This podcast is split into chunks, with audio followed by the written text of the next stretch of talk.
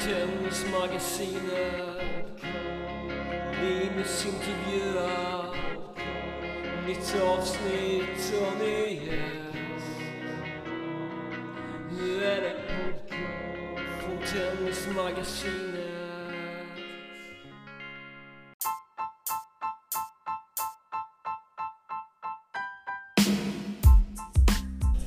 I dagens avsnitt träffar vi Ali Gelem som är fystränaren som jobbat med bland andra Åsa Svensson och Robin Södling och nu hjälper Robert Lindstedt samt arbetar med Rebecca Petersson. Ali blev årets PT 2009 och är en av två grundare till Amex. I dagens avsnitt pratar vi bland annat om hans tankar om styrkelyft och olympiska lyft, hur Robin Södling tränade uthållighet, varför man inte kan köra en Fiat på samma sätt som en Ferrari, varför bredd, motion och prestation inte går ihop, varför det, kon- det inte är konstigt att spelare har svårt att prestera på future-nivå när de har svårt att sätta fart på bollen och hur en världsspelare får väga kortsiktiga mot långsiktiga beslut dagligen. Amex, som eh, Ali är en av grundarna till, bjuder på en kostnadsfri konsultation via Zoom till ett värde av 1000 kronor för alla med tävlingslicens. Kontakta Amex via info amex.se eller via, deras app för bokning och mer information. Vill ni komma i kontakt med mig så skickar ni ett mail på linus.eriksson tennismagasinet.se eller kollar in min Instagram. Nu kör vi! Ali Gelem.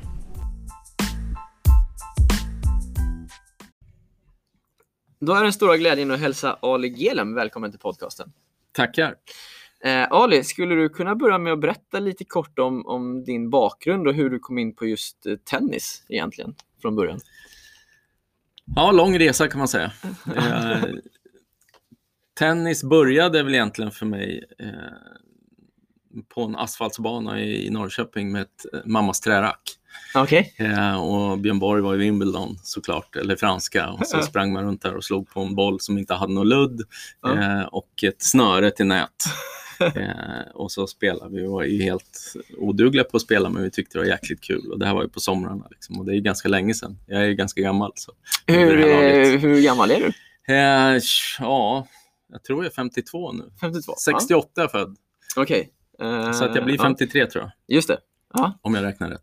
Men det var dina första tennislag? Ja, Mm. och sen så blev det nog inte mer än så för att jag spelade fotboll på, alltså organiserat. Jag spelade Mm. aldrig någon organiserad tennis som liten.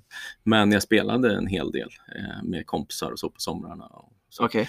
eh, och eh, tioårsåldern så blev det utförsåkning ungefär. Och jag tror, ja, tioårsåldern började jag åka lite utför. Ja. Och jag var i, i, eh, i eh, något som heter Bydalen eh, med min mamma. Okej. Och eh, då så hade jag en väldigt bra tränare där som, eh, som var från Österrike och eh, var väldigt, väldigt engagerad i, i skidåkningen. Och sen så vart jag biten, så var det skidåkning i sju år i Norrköpings skidklubb. Okej. Jag är uppvuxen i Norrköping då. Ja. Och eh, ja, insåg väl ganska tidigt att jag inte skulle bli någon stjärna. Eh, Okej. För att det fanns några i Norrköpings skidklubb som var lite bättre. Och Ja. vi känner säkert till Pernilla Wiberg, hon var lite bättre. Ah, okej, hon var Eh, där. hon är samma generation som, som Ja. jag. Vi växte upp ihop i Norrköpings Ah, vad skidklubb. läckert. Okej. Och, eh, jag började faktiskt, gick min första tränarkurs som 15-åring i, i, i eh, alpint. Mm.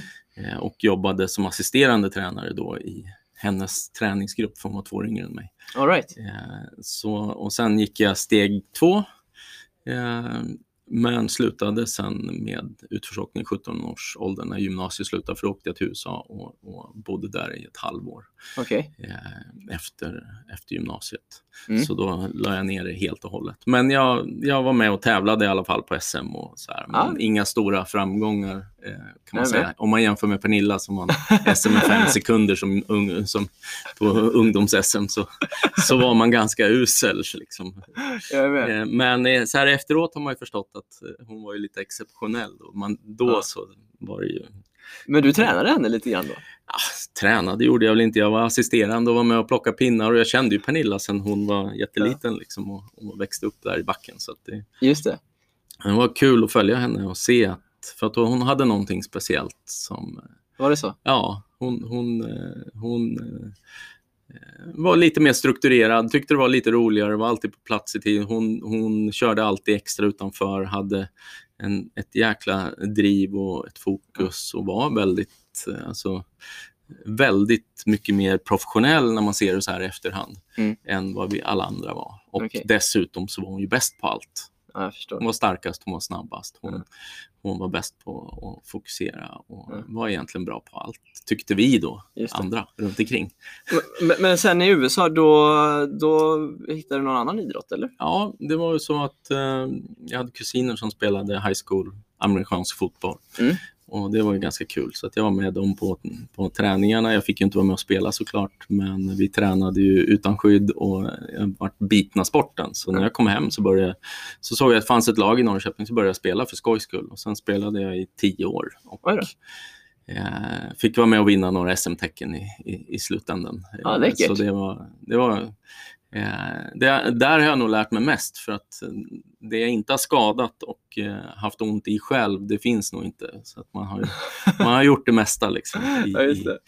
i, eh, under de åren. Det är am- amatör i Sverige, liksom, så Ja. det, det är något helt annat. Men vi var ändå, alltså alla tränade styrka, alla eh, jobbade med rörligheten. Vi var liksom rätt duktiga på att Eh, För vi, vi var så engagerade Mm. och vi tyckte det var så kul. Vi fick inte betalt utan det här var ju liksom vill... för att vi, vi tyckte det var så jäkla roligt. Så att vi var ju ganska duktiga ändå på att träna fys. ja. Och växer man upp i Norrköping så har man tre månader snö om Ja. året kanske, Ja. om man har tur. ja. Eh, Så att vi hade ju nio månader fysträning. Så att fysträningen har ju varit någonting som... Alltså, tränar man nio månader barmarksträning och Ja. sen kommer tillbaka så är man på ett snöläger i Österrike så är man bättre än vad man var efter två veckor på snö, så är man bättre Ja. än vad man var året innan. ja. För att man har vuxit och blivit starkare och, och, och man får tillbaks skidkänslan ganska så snabbt ändå. Så Mm. Jag har ju aldrig alltså, förstått det där med att man inte kan släppa racket. Nej. Alltså det gör ingenting om du är borta två månader och tränar lite annat. Eh, däremot så måste du kanske trappa upp lite, Ja. lite långsammare. Du menar att man eh, skulle kunna prioritera fysen mer i vissa perioder? Ja.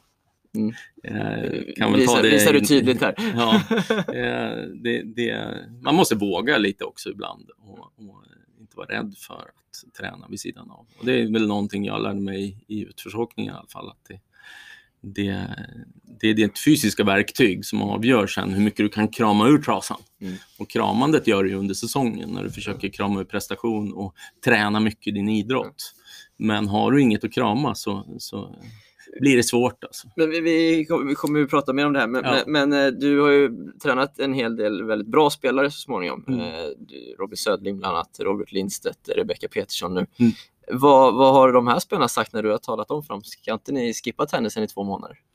Eh, vi har ju alltid pratat om att man måste ha en off-season och försöka förlänga den och försöka hitta luckor där man ska alltså försöka och, och prioritera Ja. lite uppbyggnad och, och eh, så. Men det, eh, när det är på den nivån så dikterar ju alltså ATP och VTA väldigt mycket hur systemet funkar och vad som händer. Så jag tror att det måste ske eh, betydligt mycket tidigare. Att man börjar prioritera liksom, I yngre åldrar menar du? Ja. på läge, eller. Ja, eh, jag har ju fått de här när de redan har varit bra Ja. och redan varit skadade. Det är då jag har börjat med dem. så det, det, är liksom, det är gemensamt för alla de tre att de hade ju ganska allvarliga skador när jag började jobba mycket med dem. Just det. Så du önskar att de hade kommit lite tidigare kanske? ja, eller så, så är det min lott att, att försöka, och, Reparera? eh, försöka förstå mig på varför de blir skadade och försöka hjälpa dem tillbaka på banan på bästa sätt. Och se till framför allt så inte bli skadad igen. Ja. Som är den stora grejen. Men eh, hur som helst så, jag spelar amerikansk fotboll och eh, efter att jag var klar med det, för jag spelade min sista år i Stockholm Ja. eh, och flyttade upp hit och spelade i Stockholm, eh, så började jag på Bosön 97 Okej. eh, och kom in eh, på ett bananskal kan man tycka. Det var ganska mycket sökande. Jag vet inte hur det är idag, men då var det 2000 sökande och, och, och det var 22 platser till elitklassen till aktiva och 11 tjejer och 11 killar. Så var 11 killar som kom in per år. Ja. Och jag hade sökt tre, fyra gånger innan men inte kom in. Och sen till slut så kom jag in på Bosön. Eh, Det var väl två riktigt, riktigt bra år eh, där man lärde sig och fick reflektera för att det är en så blandad klass Ja. eh, med olika elitaktiva idrottare. Och... Lär du mycket av dem från andra idrotter? Ja, alltså det var ju extremt lärorikt att se hur alla andra tränar och hur de resonerade. Och sen så att vi samtidigt, det är en väldigt praktisk utbildning, så vi tränar ihop och försöker och, och liksom hjälpa varandra och coacha varandra i idrotter som vi inte kan. Mm. Vi, vi kunde ju hålla på med Alltså vi höll ju på med alla idrotter hela Mm. tiden och man ska kunna coacha fast man inte egentligen är uppvuxen i den sporten. Och så ska du coacha någon som håller på med judo, som är i landslag i judo och ska åka Ja. till OS Ja, eh, och, och, och försöka komma med någonting som kan hjälpa den personen. Och det, det, det är där man, alltså jag fick den bästa säga, Men då var dina idrotter amerikansk fotboll och Ja. utförsåkning då? Ja, jag har coachat i både amerikansk fotboll och i, i, i utförsåkning och gått steg ett, steg två i båda men inte steg tre. Och sen så har jag eh, tävlat i båda i princip tio år ganska. Ja. Så att jag har 20 års idrottsbakgrund innan jag bestämde mig för att bli coach på heltid. Ja, ja. Men Och hur, börja plugga på hur Bosön hittade du tennisen då? Eh, jobbade som tränare inne i city när jag gick på Bosön. Som Ja. personlig tränare för att betala räkningarna. Ja. Och sen så, eh, Du blev ju årets PT 2009 ja, och det var tio år senare. Ah, okej. Så Okej. vi, vi kvar på 90-tal. 97, 98 Ja. gick jag på Bosön, började jobba som personlig tränare. Ja. Sen så började när jag var klar med skolan så var, blev jag kvar och jag tror 2001 som min kollega eh, hade en eh, kund som satt i styrelsen på Kungliga och då skulle det öppnas ett gym på Kungliga Tennishallen. Och Ja.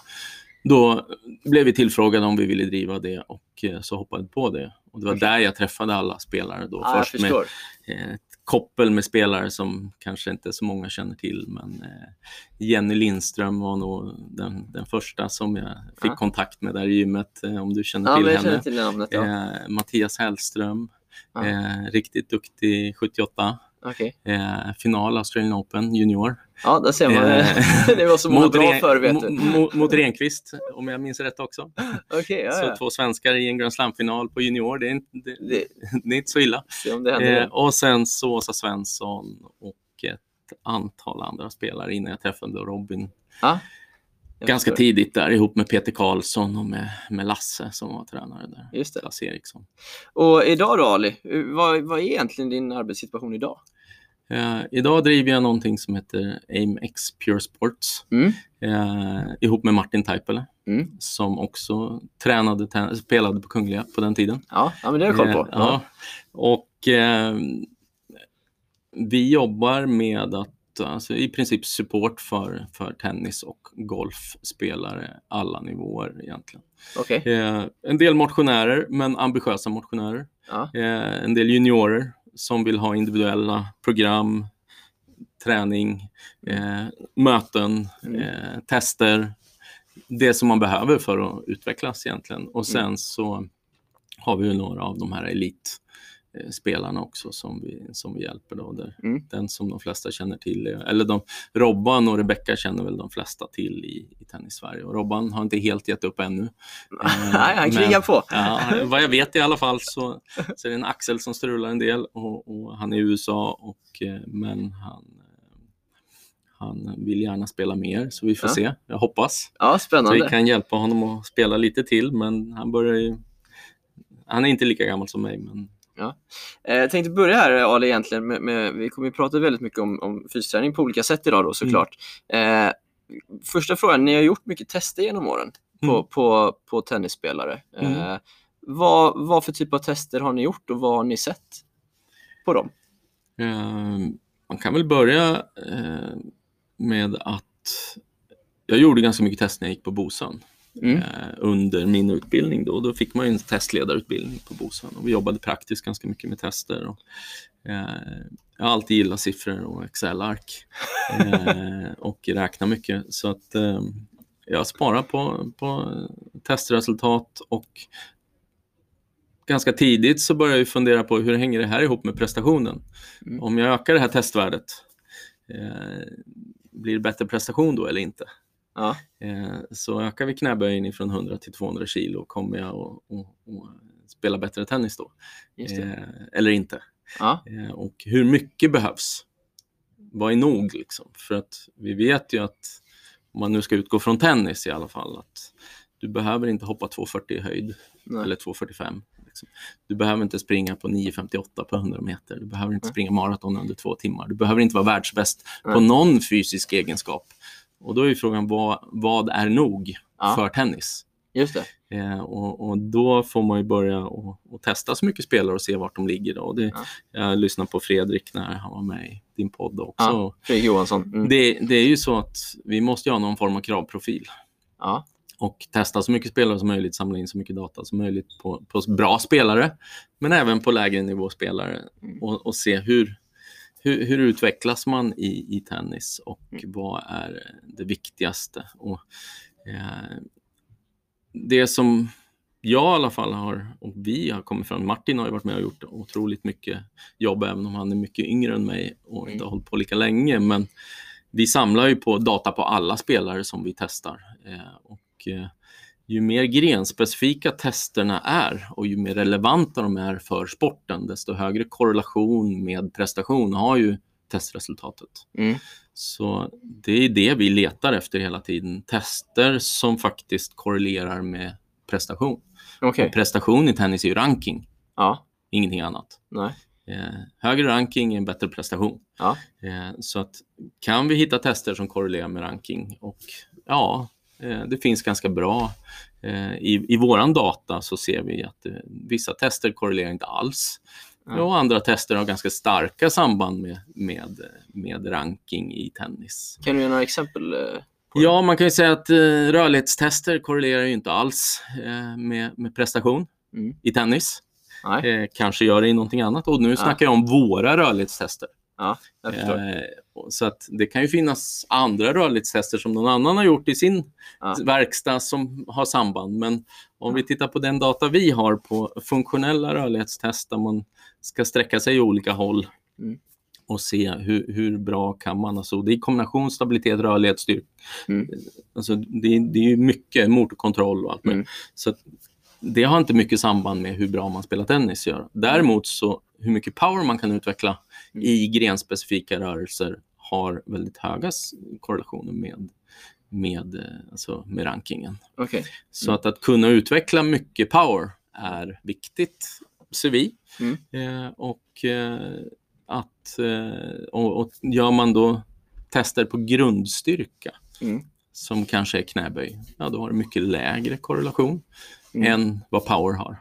Okej. Och vad är skillnaden på styrka och power? Det, det, jag vet inte, inte alla kanske som, Nej, som känner till, men, men i princip så är det ju så att eh, det enklaste sättet att räkna på är ju att man tar fart gånger kraft.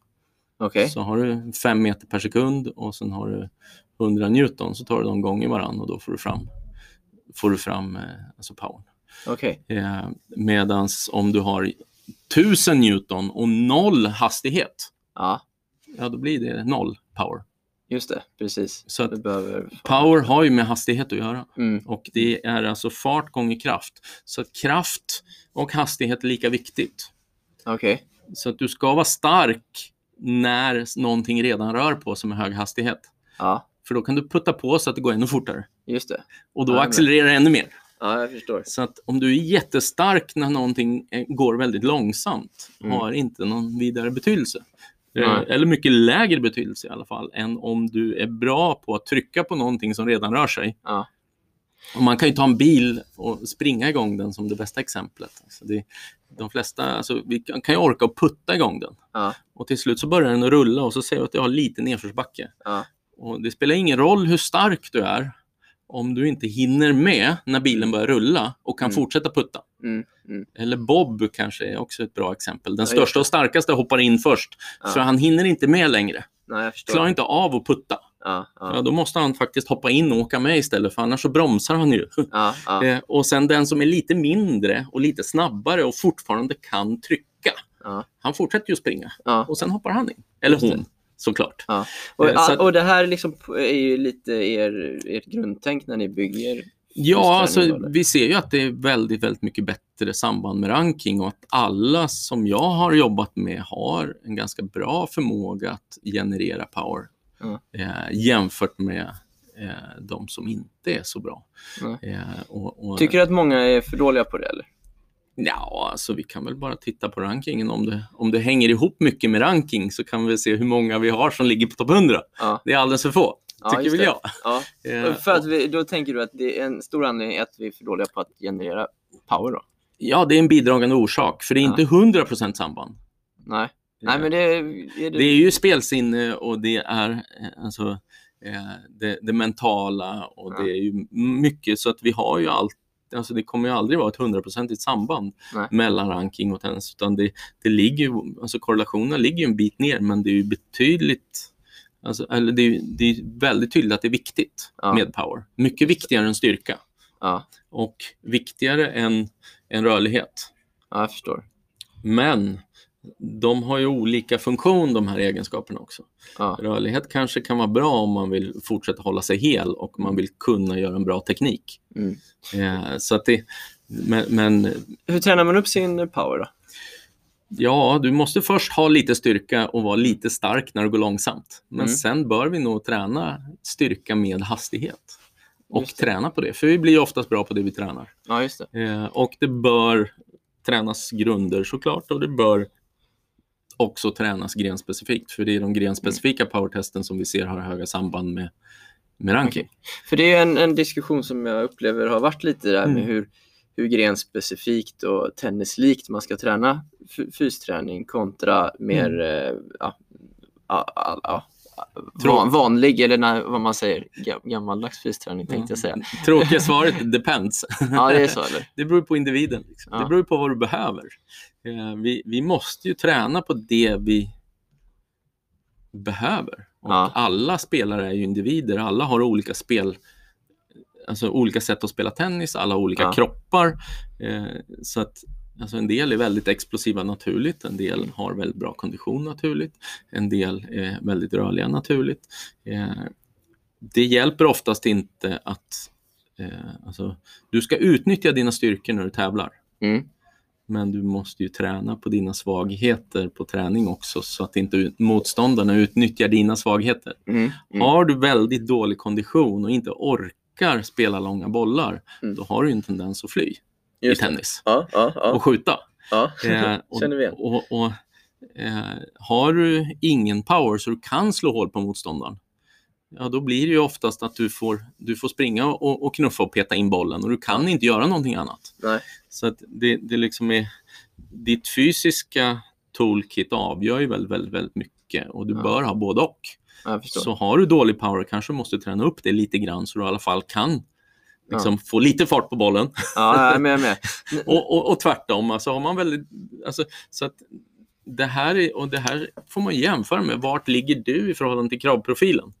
Mm. Så här ser det ut på topp 100. Jag vet i alla fall hur, hur Robin såg ut och sen så har vi testat ett antal spelare som har legat topp 100 Ja. och sen vet vi hur man ser ut neråt Ja. i, i skikten ner till junior hela vägen. Men, Och- och men det- ko- kollar man liksom på de absolut bästa spelarna då? Här uppe? i- Det måste ju vara målet. Ja. Eh, och det är ju det som är kravet för sporten. Är ju, om du ska vara topp 100 så bör du likna topp 100-spelarna. Men om vi säger när du har en topp 100-spelare som Mm. Rebecca nu då, Mm. vad kollar ni på då? Kollar ni på topp 10 då? Eller, eller? Ja, alltså där är ju, hon har ju massor med liksom? saker att jobba på Mm. som hon inte naturligt kanske är så bra på. Mm. Eh, Medan hon har väldiga styrkor också som hon är bra på att utnyttja. Mm. Men ska hon bli bättre Mm. än vad hon är idag så måste vi både lyfta det hon är bra på och bibehålla det. Och sen så bör vi också kanske täppa till det som hon kanske... Hon skulle gärna, jag vet, hon skulle gärna kunna slå på bollen mycket, mycket, mycket hårdare när hon behöver Ja. eh, och när det finns tillfälle. Ja. Eh, så att, och, och, och det är väl... Alltså, Men ni har inte hur mycket tid som helst. Nej, Nu säger du att så vi, vi måste- förbättra styrkor och så svagheter. där får vi prioritera över säsongen och se Gör man vad en är det periodisering då? Ja, och framförallt så, så, så måste man ju se vad svarar Rebecka på största tiden för henne. Eh, kan jag säga, det ligger ju på att öka power.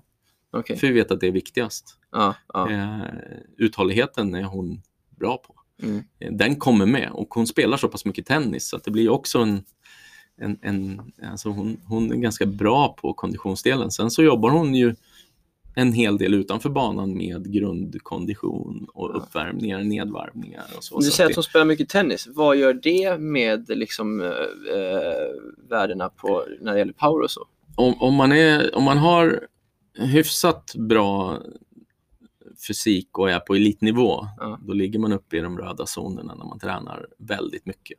Ja. Eh, hon ligger ungefär 50 procent av tiden på banan ligger i zon 5.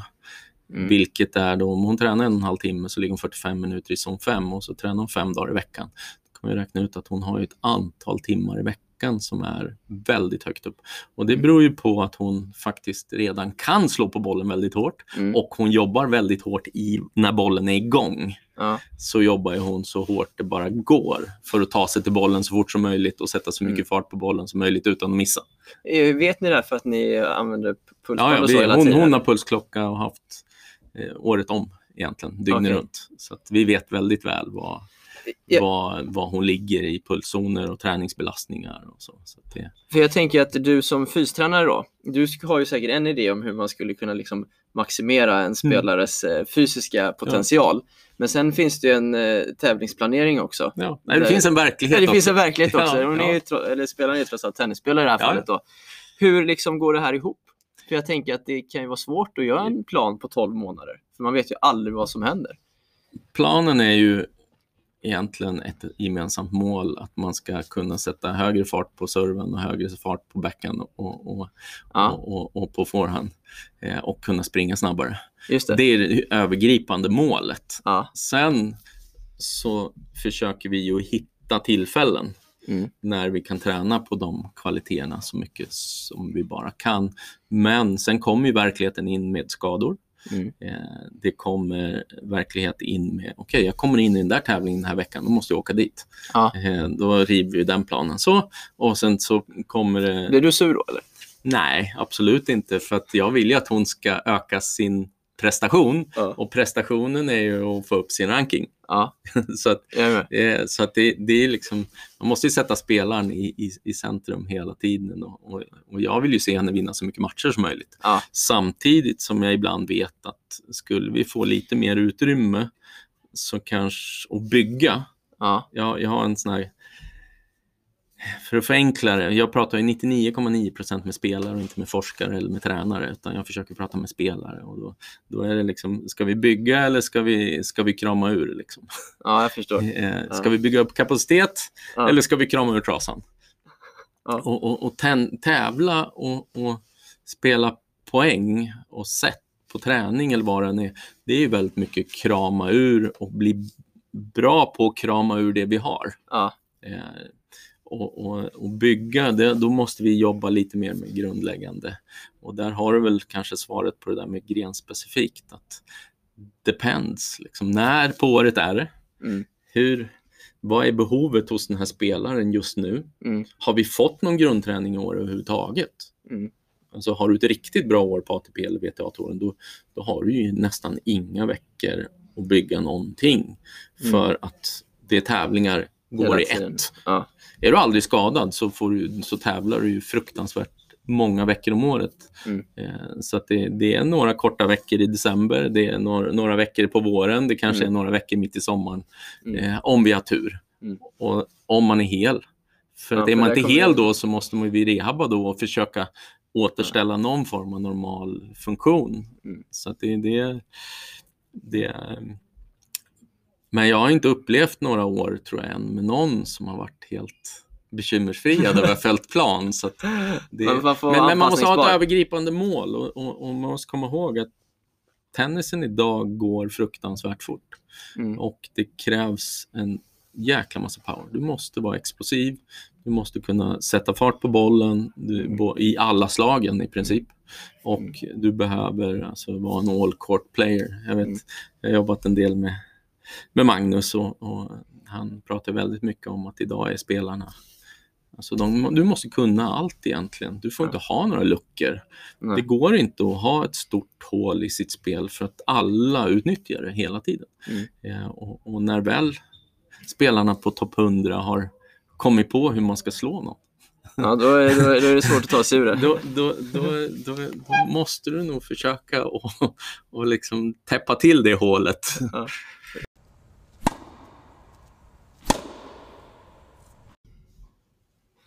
Eh, Ali, hur, hur mycket är du med och eh, är du med spelarna på tävlingar och så vidare? Eh, Inte så mycket eh, i år. nej.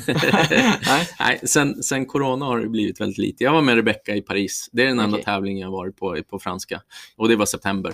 Eh, sista 24... Ja, det är nog så, så Ja. länge. För min fråga var egentligen, eh, eller det jag ska komma till är, när du inte träffar dem dagligen, Mm. eh, har, liksom, har ni daglig kontakt då? Eller förser dem med veckoprogram? Eller hur, Mm. hur funkar det arbetet när man Då- inte träffar spelaren? De flesta yngre spelare som vi jobbar med är Ja. väldigt, väldigt enkelt. Vi har ett möte på Zoom. Ja, För, och det här är ju corona som har fixat ja just det. Att det är så här. fixat det. Vi har ett möte på Zoom eh, en gång i månaden eller Ja. en gång i veckan eller varannan vecka. Ja. Och däremellan då så lägger jag ett program i en liten app som vi har. Ja. Eh, och så följer man det så gott man kan. Ja, Och sen när vi har gått då en vecka eller om det är en månad mellan så tittar vi hur mycket har du lyckats göra? Hur har det gått? Hur jobbigt har det varit? Eh, vad, vad har liksom resultatet av det här varit? Eh, och sen så gör vi liksom en snabb utvärdering av det och så skruvar vi på schemat inför kommande för då vet vi, ska du tävla? Jaha, jag kom in, jag ska åka till eh, Kenya två veckor. mm, mm, ja. Ja, så kan det då, vara. Då måste vi ändra på, på schemat. Då, och, eh, och sen har jag några proffs som, som jag har veckovis kontakt med. okej. Som Eh, eh, Robban och Rebecca då? Ja, där jag då eh, har alltså ett Zoom-möte i veckan. Ja. Där vi lägger upp nästa vecka. Vad, vad ska du fokusera på? Och så lägger jag upp program för den veckan och sen har vi ett nytt möte. Eh, och sen så har vi sådana som Robban och Rebecca som egentligen är de som jag eh, har så här, sms och telefonkontakt med eh, eh, och snackar i telefon och ibland har Zoom-möten med regelbundet. Liksom. Så att det, ju högre nivå desto mer finlirande och skruvande blir det hela tiden och det kan vara så det där känns inte riktigt bra, kan jag göra någon annan övning? Ja, Mm. gör det där istället. Eh, Jag förstår. den liksom, dialogen och så, eller jag har ont i foten nu eh, från eh, passet i morse. Mm. Eh, ska jag spela eftermiddag eller vad tycker du? Så här känns det och så kommer en bild på en fot som är blå. och så, ja, Så, nej, ja, vad det- gör jag nu Ali? Ja, det kanske kan vara läge att hoppa eftermiddagspasset. Nej, men Men- alltså, men- det, det är men- mer som en alltså, konsult och Ja. kompis slash försöka stötta i besluten med såklart coachen och spelaren och, Men du sa att du nästan, resonera. du sp- pratar nästan alltid med spelaren sa du. Eh, hur mycket liksom har, för du tränar, tennistränaren måste ju också vilja vara med i besluten ibland. Absolut, men jag tror att eh, när vi pratar alla i ett team så måste man sätta spelaren i mitten. Och om jag pratar, eh, sen kan det ju vara i vissa team så att om coachen vill att eh, all kommunikation går via honom Mm. och så stöttar jag coachen. Okej. Det är ju ett upplägg. Mm.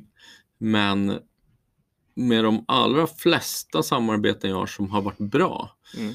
så sätter alla i teamet spelaren i centrum och alla pratar med spelaren men sen måste vi ju prata med varandra också. Mm.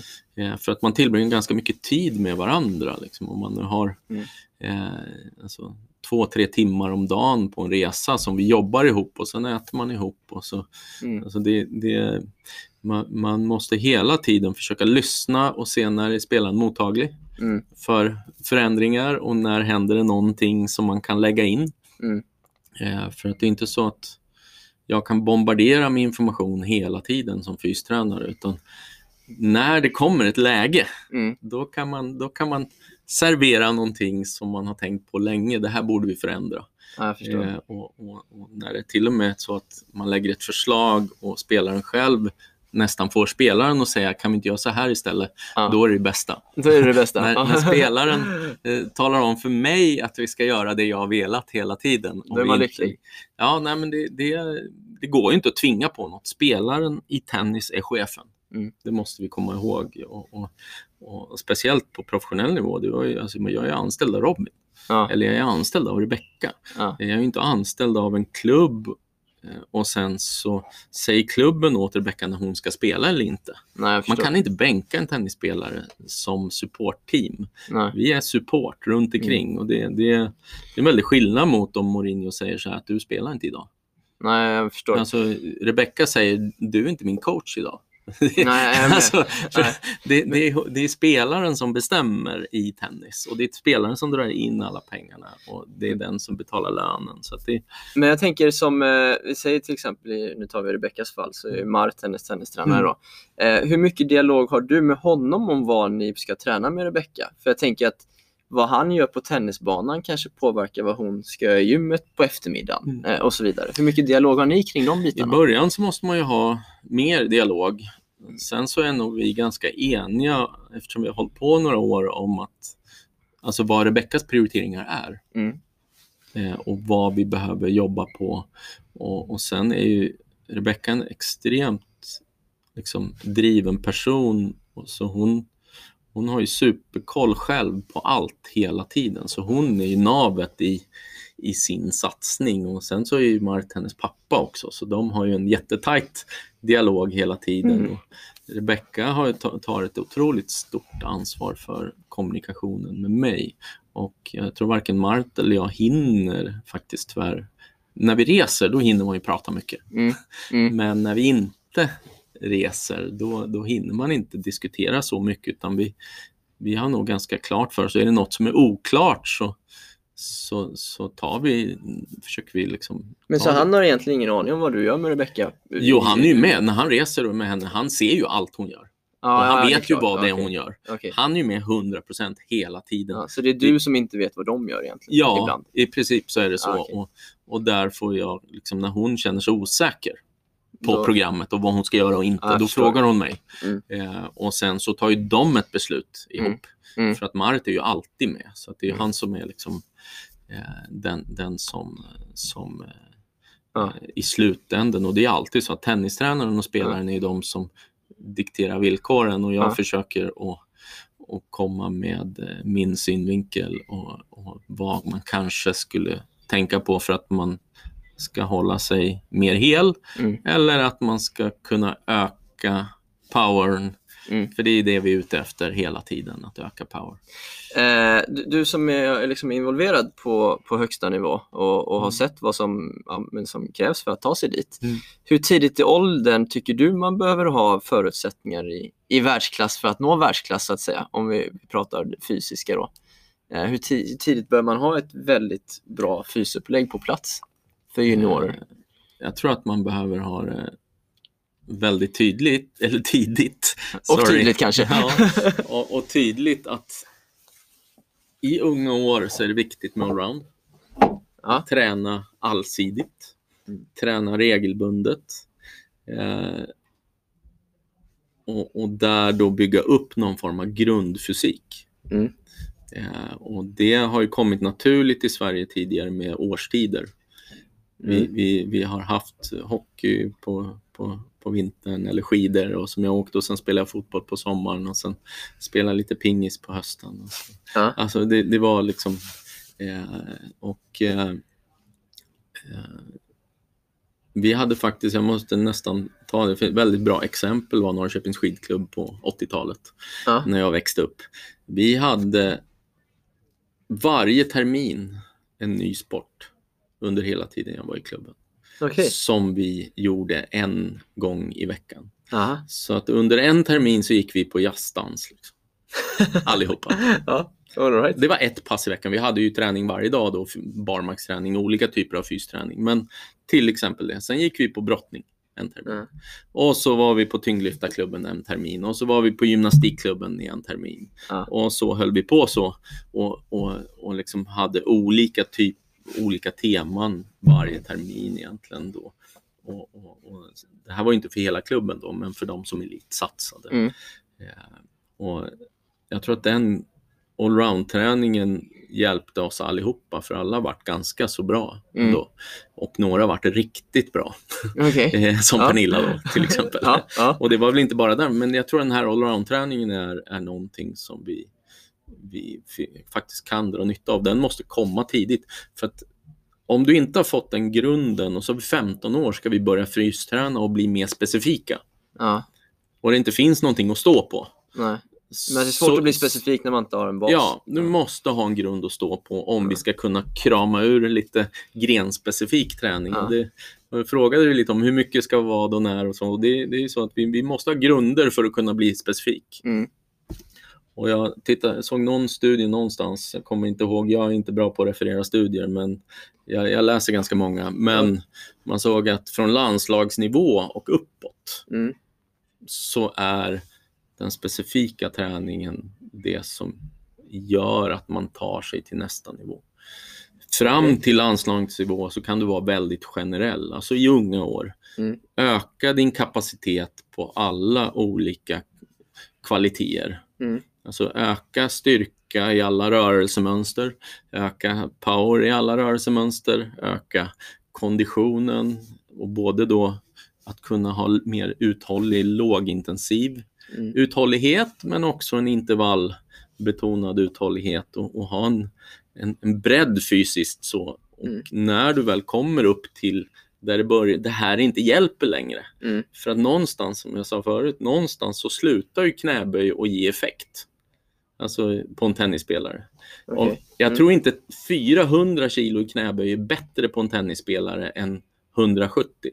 Ja, jag fattar vad du menar. Ja. Någonstans så behövs det inte mer. Nej. Och, och, men ha, har du en bra grund och så börjar du jobba väldigt specifikt så brukar det lyfta ännu mer. Ja. Och då behövs det en allsidig träning i tidig ålder. och har du inte grunden då kan vi gå på med hur mycket specifik träning som helst och krama och till slut så går någonting sönder. Ja. Eh, för att det finns liksom inget att krama. Nej, men. Och jag, jag, jag vet inte vem som sa det, men det var väldigt bra. Det var någon sjukgymnast någonstans som jag hörde en kund prata om som hade sagt åt honom att du försöker krama en Ferrari ur en Fiat. Ja. Det går inte. Nej. Du måste bygga upp det lite grann. Du Ja. måste skapa lite grundförutsättningar här. Sen kan du börja spela mer tennis och krama ur trasan mer. Ja. Men har du liksom inte grundförutsättningarna i rörlighet, Mm. fullgod rörlighet måste man ha om man ska ha en tennisteknik som inte är skadlig. Okej. Sen måste vi ha en stabilitet som skyddar lederna så att de inte går i ytterlägen i leden. Ja. Och det är en styrka att kunna bromsa innan det smäller. Ja. Det är stabilitet. Ja. Stabilitet för mig är inte stå still. Nej. Stabilitet är att kunna hålla emot muskulärt sett innan leden kommer i ytterläge. Okej. Eh, Då har vi stabilitet. Och sen kommer vi tillbaks till mitten igen. Alltså du kan bromsa krafter. Och det fick man lära sig i amerikanska fotbollen ganska fort. Om det kommer någon som tacklar från sidan som du inte ser. Eh, då bör du kunna ab- absor- absorbera den kraften. Och, och, och då följer du ju med kraften för Ja. att skydda dig själv. Ja. Och sen kan du bromsa upp det momentumet, sätta i foten och sen trycka tillbaka. ja, just det. Det är stabilitet. Ja, ja. ja bra exempel om, om du inte absorberar kraften utan håller emot stenhårt bara och är jättestark där, då, då har du chans att ha av någonting istället. Ja, Du måste när det kommer en hög hastighet mot dig absorbera den kraften. ja. Eh, och, och det är stabilitet i, Mm. oavsett vilken led det är. Mm. Eh, och sen, och för då kan du parera Mm. Om något förut, oförutsett händer. Mm, mm. Sen så bör du vara stark och knuffa på någonting som vi pratade om förut så att du Mm. får en ökad hastighet. Och sen när det börjar röra på sig lite fortare måste du kunna knuffa på ännu mer. Mm, mm, mm. Eh, och sen bör du kunna göra det här många gånger med lite vila emellan. Och Mm. då kallar vi det för uthållighet. Mm. Så att du kan ju träna alla kvaliteter i samma rörelsemönster. Okej, ja, jag är med. Jag är med. Och alla kvaliteter behövs i alla tennisspecifika rörelsemönster. Ja. Ja. För att det ska gå att stå emot de krafter som sker. Mm. Eh, ju fortare du springer och accelererar desto mer måste du bromsa på andra sidan. ja, precis. Och det är ju jätteviktigt som Ja. tennisspelare då. Eh, Och roterar du och kastar racket allt vad du orkar så att du har en Mm. rackethastighet som är jättehög och du slår en, en forehand i 170 km i timmen som en, en del gör på lösboll. Då, då, då måste du kunna fånga upp det där racket också, den rörelseenergin som kommer.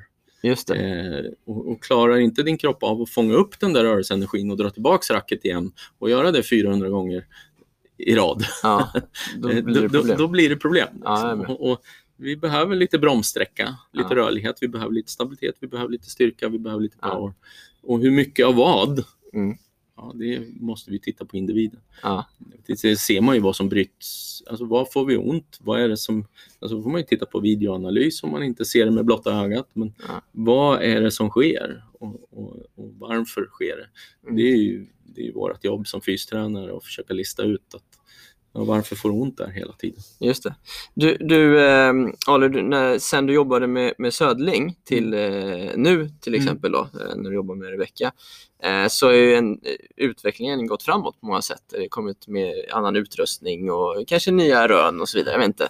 Eh, skulle du säga att du har ändrat filosofi liksom sen du började jobba med, ja, men säg sen Robins tid jämfört med idag? Och tränar ni Alltså- annorlunda idag?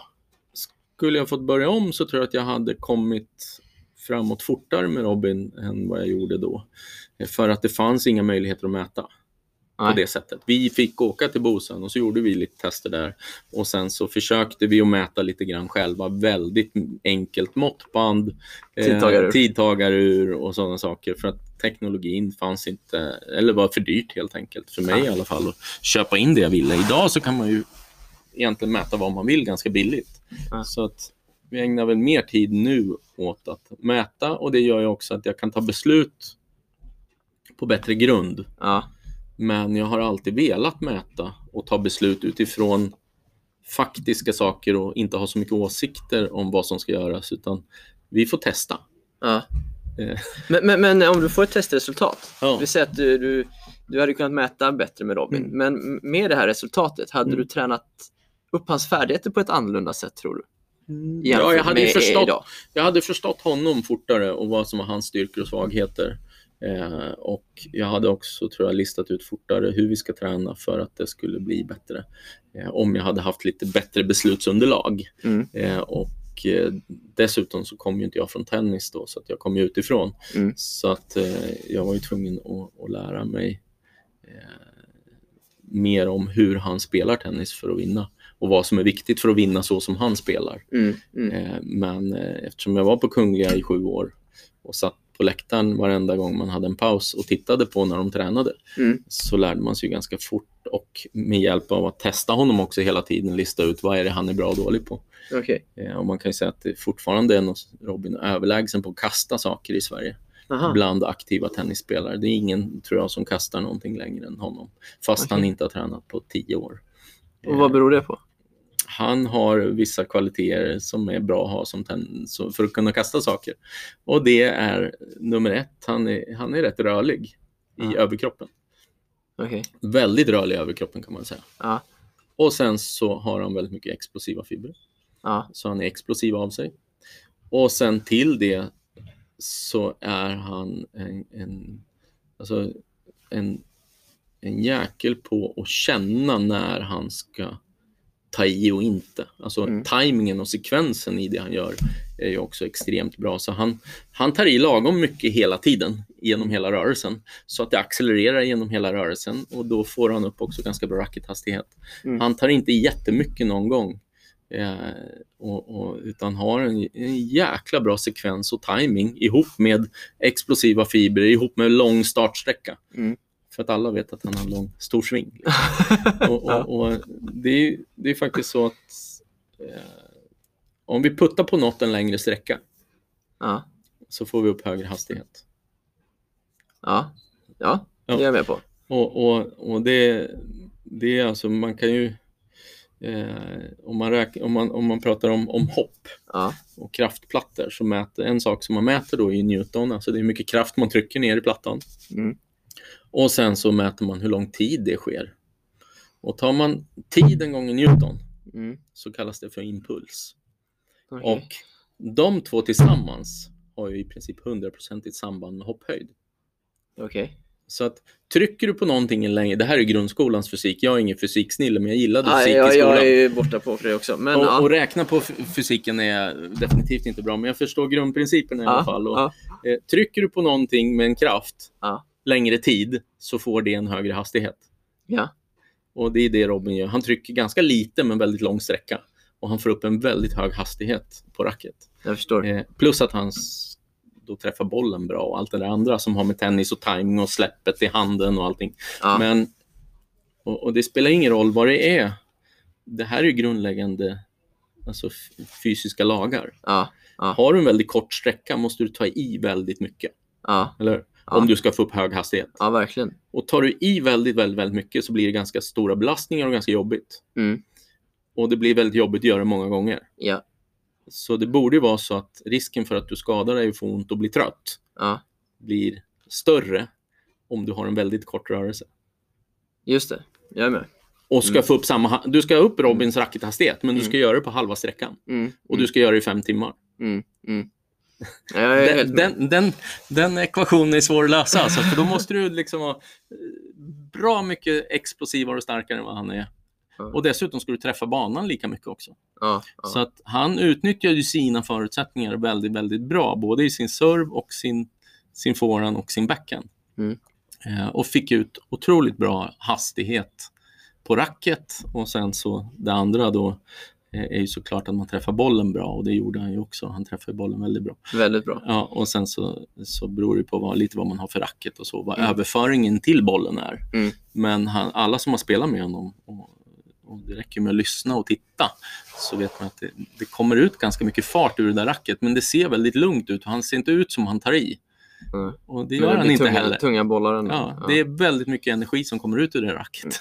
Ja, jag är Eh, och, och det är det som är svårt att stå emot. Ja. Eh, när det, alltså, och jag tror att alltså, när jag åker till Paris och tittar Ja. så slår alla mycket, mycket hårdare på bollen än vad man gör här hemma. Ja. Eh, Det är högre acceleration. Det är fler spelare som är längre och större, har längre armar, man slår hårdare på bollen. Ja. Det, det, det krävs i dagens tennis att du kan sätta fart på racket. Mm. Ja, rackethastighet är ju... Rackethastighet Och du pratar ju mycket om det, känns det som. Liksom, Ja. att det är mycket det du kommer tillbaka till. kan man inte försvara sig med slagen Mm. så blir det väldigt mycket springande långt bak bakom bosslinjen och det är inte så vi vinner, vinner matcher. Liksom. Eh, Oftast. Det Nej. går ju, men det är svårt. Ja. Jag tänker, eh, när du jobbar med de liksom, elitspelarna Mm. eh, så, så blir det en del eh, kortsiktiga beslut, tänker Mm. jag, som du var inne på. Ja, men Mm. kom, man kommer in i tävling nästa vecka eller det, man kan eh, ha en bra chans att hit, få rankingpoäng någonstans eller startpengar någon annanstans. Här. Mm. Eh, hur, hur balanserar man det här kortsiktiga med långsiktiga när man eh, är på en högre nivå? För samtidigt vill man ju också ha en, som Rebecka, en lång karriär. Du vill bygga Ja, hennes alltså- fysik över längre period. Man, jag måste ju försöka presentera alternativ Mm. för spelaren och, och, och försöka få spelaren att förstå det här är ett kortsiktigt beslut Ja. och det där är ett långsiktigt beslut. Och sen i slutänden så är det ändå spelaren som måste bestämma och stå för sitt beslut. Ja. Men man måste ju försöka lägga korten på borden Ja. och utbilda spelaren om det här är alternativen och det här är det jag med min erfarenhet och de grundprinciperna som finns eh, är alternativen. Just det. Så att jag försöker alltid att, alltså, beslutet måste komma från spelaren, för tror inte spelaren på det blir det inte bra i alla fall. Nej. Spelaren måste tro på det. Och, och, och, men vi som runt omkring då, vi bör ju presentera options och kunna förklara vad de här options betyder Mm. och vad som är för och nackdelar hela tiden. Mm. Och, och sen så bör vi ta ett gemensamt beslut, men där spelaren står för sitt beslut. Mm. Har ni varit i de här situationerna ibland och diskuterat? Hela tiden. Ja. Med alla spelare så är det eh, alltså en, en, ambition att presentera vad det finns för alternativ Ja. och sen ta sansade, vettiga beslut utifrån vad som känns som bästa prioritering. För att ibland är det så att det är mycket, mycket viktigare att åka på den där tävlingen för den här spelaren. För att den en får app. en miljon extra där? Ja, eller att det är poäng och, och, och det kanske är så att tappar man bara, alltså har man chansen att, ta lite mer poäng så kanske jag kommer in i Grand Slam, junior Grand Slam och det betyder otroligt mycket för mig som spelare att få spela en junior Grand Slam. Ja. Eh, Då, då, så det, jag tror inte att det finns rätt och fel utan det finns individuella överväganden hela tiden som måste tas. Men man ska ta det på så bra grunder som möjligt. Mm. Att man faktiskt resonerar igenom alternativen. Ja. Risken är att du drar upp den där skadan och blir borta två månader. Mm. Eh, Men kan det inte vara för dig då, att när du säger så att det finns en risk att du drar upp den här skadan, Mm. blir borta två månader, Mm. att du bara, du får inte åka. Så här, det här är liksom, det här Nej, är för korkat. det är inte mitt, mitt jobb. I så fall, om det är någon som ska säga så, så är det en läkare. Fast- så fast då, du- då går vi till en sjukgymnast som är utbildad på smärta och skada eller en, en, alltså, en läkare eller någon sån som har ett, eh, som säger att det här, vi, och, och till och med de på Grand Slam, alltså läkarna, de säger inte heller du får inte spela. Nej. Utan de säger så här, det här är riskerna. Du är medveten om det här. Det här det, man, man presenterar förutsättningarna. Och sen så är det ändå upp till spelaren att gå in. Ja. Sen vissa fall när det är allvarlig sjukdom och skada så, så kan ju läkare vara väldigt bestämda och sätta ner foten. Att jag faktiskt rekommenderar Ja, absolut inte att spela med det här. Det här kommer till största sannolikhet få konsekvenser. Ja. Och, och då måste, alltså, men Men, men, det är ju fortfarande så att spelaren är chef. Men spelaren har ju anställt dig för att Ja. göra spelaren Ja, starkare och hålla spelaren skadefri. Men i, jag ska inte ta ansvar för hela alltså, spelarens framtid, utan vi Nej, måste tillsammans resonera om och det är alltid i slutändan spelaren som står med spaden där ute på, och, och har ansvaret. Ska de bryta eller inte? Jag har ju suttit på läktaren och sagt alltså, i mitt eget huvud att nu får du fan kliva av för det här är inte hälsosamt längre. Alltså ge dig. Ja. Det här är ett spel. Ja. Men det är liksom... alltså, Det här är ett spel. Ja, det är det. Ja, det är inte krig på liv och död. Nej, fast, Och, och, och till och med, alltså, om man nu jämför med, med en kontaktsport då, som amerikansk fotboll, Mm. så är det ju faktiskt så att där, där är ju någon som faktiskt försöker fysiskt ta, sätta en ja, på, på urspel. häcken liksom, Ja. och ur spel Mm. inom reglernas möjlighet. Då. Eh, Ja. och, och då blir det ju direkt livsfarligt om du är på banan och inte kan försvara dig. Eh. Du kommer in, troligtvis inte att skada dig så att du får livshotande skador på en tennisbana. Om det inte är uttorkning eller alltså några Mm. andra sådana saker. Men, men eh, spelar man i dåligt skick i amerikansk fotboll är ju risken att du bryter nacken. Liksom. Ja. Ja, det, Och vi har, alltså jag har lagkamrater som har alltså, eh, fått fraktur på nacken i Mhm. spel och, och gått därifrån.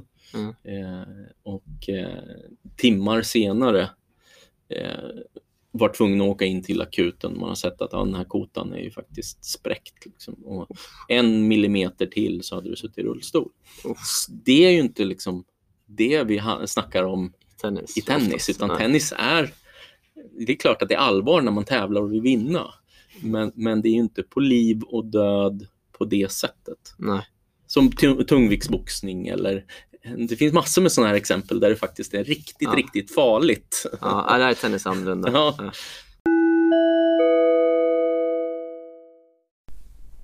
känns som det är ganska viktigt att träna smart. Och att personerna som lägger upp både fysträning och tennisträning vet vad de pratar om. Belastar man på fel sätt, tränar man för mycket, tränar man för ensidigt, ja då hamnar man på läktaren.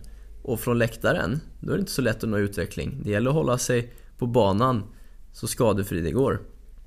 Så ja, kunskap i hur man lägger upp träningen känns ju som A och O.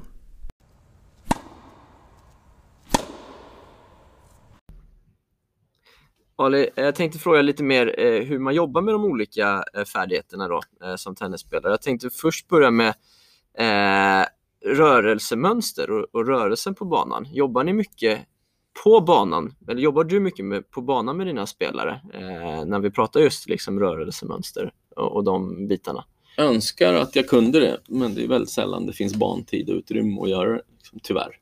Just När det. är tennisträning börjar så är det tennis. Och, och de få gymmen där det finns lite utrymme inne i, i, i gymmet där man har jobbat. Eller så letar man upp, alltså på tävlingar letar man upp korridorer eller Mm. gräsmattor eller allt som man kan komma över, parkeringsplatser Ja. så för att kunna få, få springa och jobba Få med rörelsemönster. Ja. Så att det, det, jag tror att det är samma på alla klubbar. Jag tror att det, det är svårt att avsätta jättemycket bantid Ja. till att, att jobba med sånt som inte involverar en tennisboll Ja. eh, direkt. Men det är ju helt klart att vi jobbar alltid med rörelsemönster.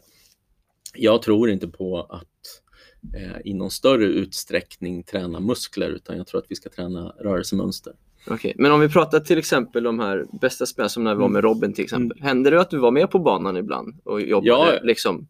Ja. Absolut, men det är ju väldigt sällan vi får den tiden ändå. Så vi gör väldigt tennisliknande träning eh, i uppvärmningen Mm. innan man går på banan. Just det. Eh, och det får ju ske då i kontor, alltså korridorer eller i, i, i, på parkeringsplatsen eller vad Ja, det nu är. För du, du får inte så mycket tid på, på banan på tävlingar. Nej. Alltså det, det inte ens när du är fyra i världen så har du, kan du boka en timme och köra fys. Då blir det ett jävla liv Ja, alltså. det kan jag tänka mig. Det, det, det är helt otänkbart. Liksom. jag tänkte på när jag var iväg på senaste tävlingen. Jag Ja. nu. Eh, ja. Okej, eh, hur, hur jobbar du uthålligt med dina spelare? Hur Ja. tankar kring det? Jag ser ju att, eller först och främst måste man se vad är det för uthållighet vi ska jobba med. Är det hjärta-lungor vi pratar om? Är det uthållighetsträning, alltså kondition, det vi kallar för kondition i folkmun kanske? Eller så är det lokal uthållighet i muskulatur. Ja, jag tänker nog hjärta, lungor. Ja. Ja. Och, och i min värld, hjärta-lungor har inte en aning om vilka muskler som, som sprattlar och, och skriker efter syre. Nej. Utan hjärta och lungor alltså, tränar vi ju faktiskt bäst när vi jobbar med så mycket muskler som möjligt samtidigt. Ja. Men ingen muskel jobbar så hårt så att, den går, alltså att det blir riktig akut syrebrist, så vi kan fortsätta jobba. Ja. Så att, kan man involvera mycket muskler Mm. eh, på en lagom nivå och skapa en hög puls och en andningsfrekvens Mm. så att vi får en belastning på hjärta och lungor Eh, så tror inte jag att det har jättestor betydelse med att bygga hjärta och lungor vad man använder för aktivitet. Och tyvärr så, om man då tar Robin som exempel, så hade vi en del bekymmer med hälsenor och, och, och, och patellasenor av hardcore hardcourt som tar, tar väldigt mycket slitage på kroppen. Och, eh, det var liksom inte möjligt att springa mycket utanför banan. Mm. Så att vi jobbade hjärta och lungor väldigt, väldigt mycket på roddmaskin som han var väldigt bra på. På Det var rodma- för att- roddmaskin? Ja, och det var för att han var bra på det eh, också. Okej. Eh, alltså han var bra på tekniken. Ja. Eh, och eh, med ganska låg muskulär ansträngning och väldigt lite stötar Ja. och, och belastning på fästen och senor och sånt så kunde vi belasta hjärtat väldigt bra om man satte pulsklocka på honom. Så att intervallträning på, på roddmaskin så, så, och Robin var så pass stark och, och, och lång eh, så att han kunde få upp väldigt höga effekter i, alltså i watt som han producerade på, på roddmaskinen. Och, och det gjorde ju att han ökade sitt VO2 från, jag tror jag, jag tror inte han har något emot det, men när jag testade honom första gången då, om man ska ta konkreta siffror, så låg han på mellan 50 och 55, Ja. vilket är en ganska låg nivå. Liksom.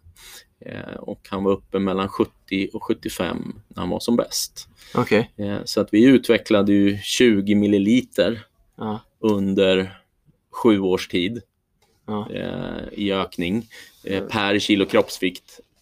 Så att, och, och nästan all hjärta och lungträning gjorde vi på roddmaskin. Hur kunde de intervallerna se ut till exempel? Ja, Jag det förstår var att det varierar. Men... blandade intervaller. Det är allt, från, allt som han gick igång på. Okej. Allt från Tabata till eh, tävling på 500 meter Okej. och 2000 meter, Du tävlar med 1000 honom? meter. Nej, jag tävlar inte med honom. I början kunde jag tävla lite, lite grann, men eh, på slutet så har jag inte en chans. Alltså. Eh, För de som vill prova så kan de ju testa och, och, ro 2000 på 6,20. 2000 meter på 6,20. Ja, Det testa målet. det. Ja. Det gjorde han. ja, det ska jag själv testa. Ja, Eh, och det var nog inte hans bästa gren, utan en Tabata var nog det han var, var bäst på. Okej. Eh, har du kör åtta gånger 20 sekunder, allt vad du orkar. Ja. Och sen har du 10 sekunder vila mellan varje. Ja. Eh, Fan, jo, jag tänker rodd är jobbigt alltså. Ja, rodd Ja. är jobbigt, men, men det är också det som gjorde att alltså, han var inte muskulär. I början var han trött i vänsterarmen Ja. för att den var inte van. Liksom. Men eh, det var väldigt lätt för honom att få hög puls på roddmaskinen. Och, Ja. och, och det gjorde att vi kunde jobba och det var mycket, mycket jobbigare än att spela tennis. Ja, ja, Så att för hjärta och lungor så funkade det allt utmärkt för honom. Sen eh, finns det andra som inte alls kan ro. Mm. Och där de bara får ont av att ro och Mm, inte är rörliga nog för att ro och har extremt dålig teknik, då ska de inte ro. Då Nej. måste man hitta något annat. Och andra Nej. spelare gillar att springa.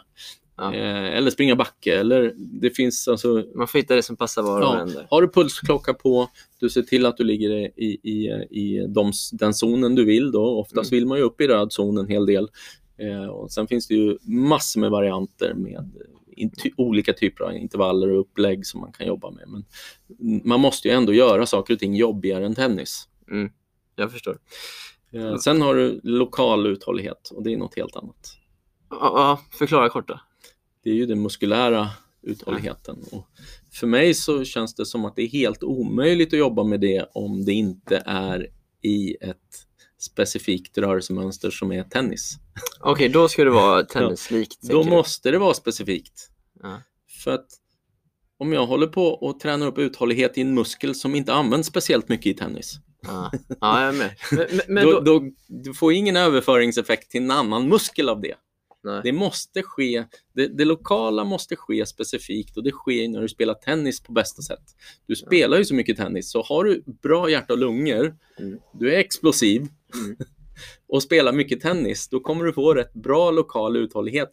Och det vet alla. Har du sprungit mycket i skogen i tre månader så går du på tennisbanan. Ja, jag- Den lokala uthålligheten är katastrof. ja. Så att du måste träna tennis för att bli bra på lokal uthållighet. Men då tänker du att då måste man ju komma upp i, i liksom då måste man ju träna tennis rätt hårt på banan också för, I att, perioder. för att man ska nå eh, Ja. liksom den, den Ja, delen. men framförallt stor volym. Mm. För att den lokala, alltså du får ju fruktansvärt mycket repetitioner om Mm. du tränar mycket tennis. Mm. Eh, Så att muskulaturen som används i tennis Ja, eh, får ju väldigt mycket träning av att spela tennis. ja, jag förstår. Och Men- du får rätt vinklar Ja, så att rätt muskler jobbar i rätt ordning. Du, får, alltså, du har gravitationen att ta Ja. hänsyn till. Du, du gör exakt de rörelserna du ska göra.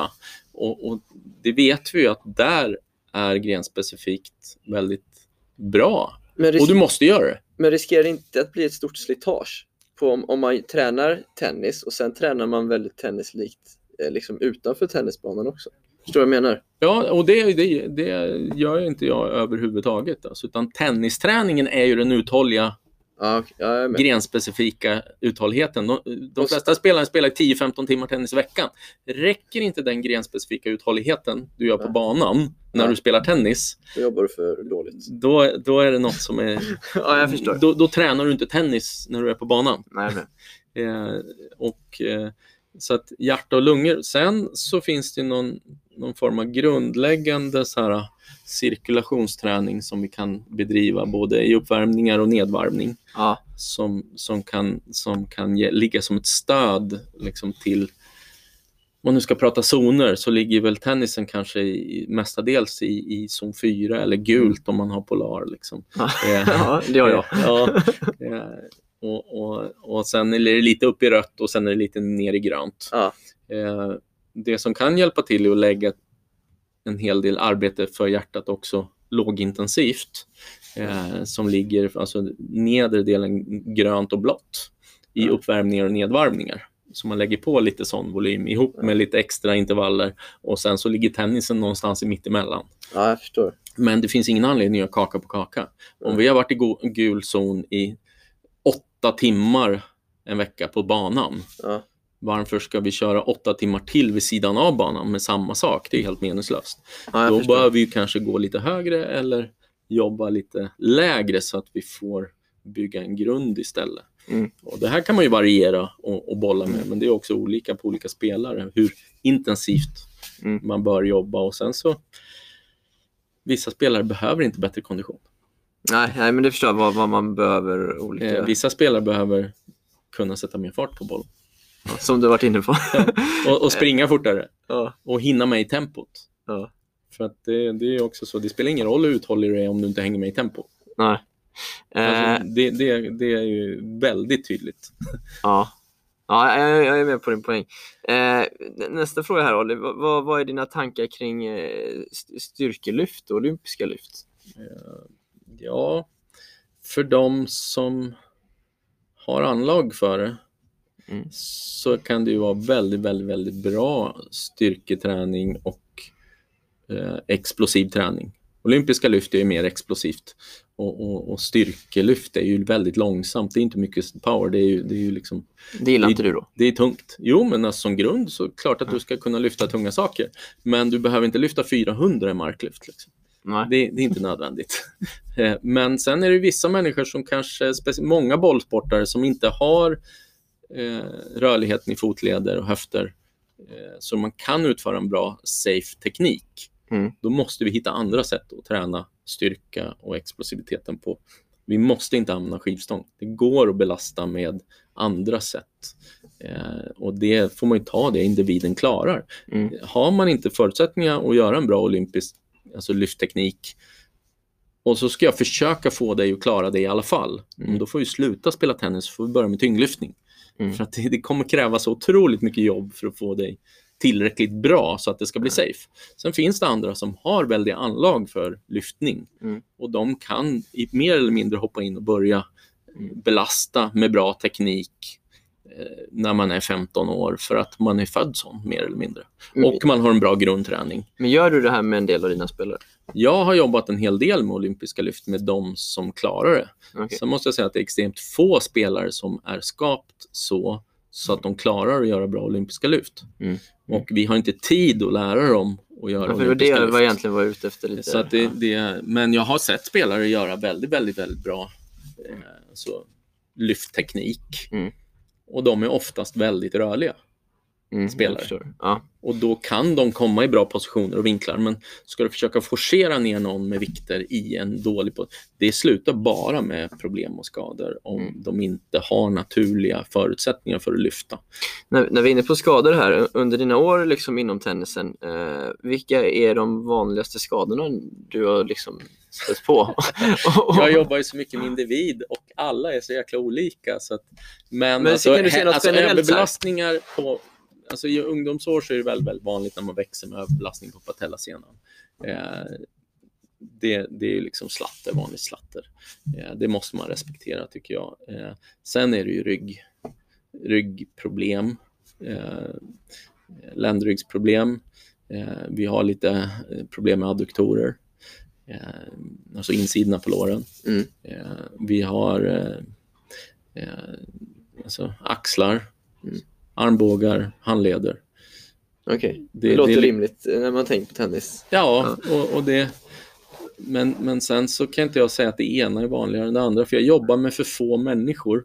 Så jag kan inte ha, jag har inget statistiskt underlag på vad som är vanligast och värst. Liksom, Mm. utan, eh, det, det är väldigt, väldigt, väldigt olika. Men det är ju hela kedjan, fotlederna också. Om man nu ska ta, alltså jag, fötter har jag jobbat extremt mycket med. Ett jätteproblem med hardcourten. Eh, knän, ja, Ja. en hel del problem med knän. Ja. Höfter och adduktorer, säte, baksidor, jättemycket problem. Nu pratar vi på toppnivå. Ländrygg, ja det, det händer titt som tätt. Liksom. Eh, bröstryggen, inte så mycket skador men ofta stelhet liksom, och lite kramptendenser. Eh, axlar, ja. Nacke, ja.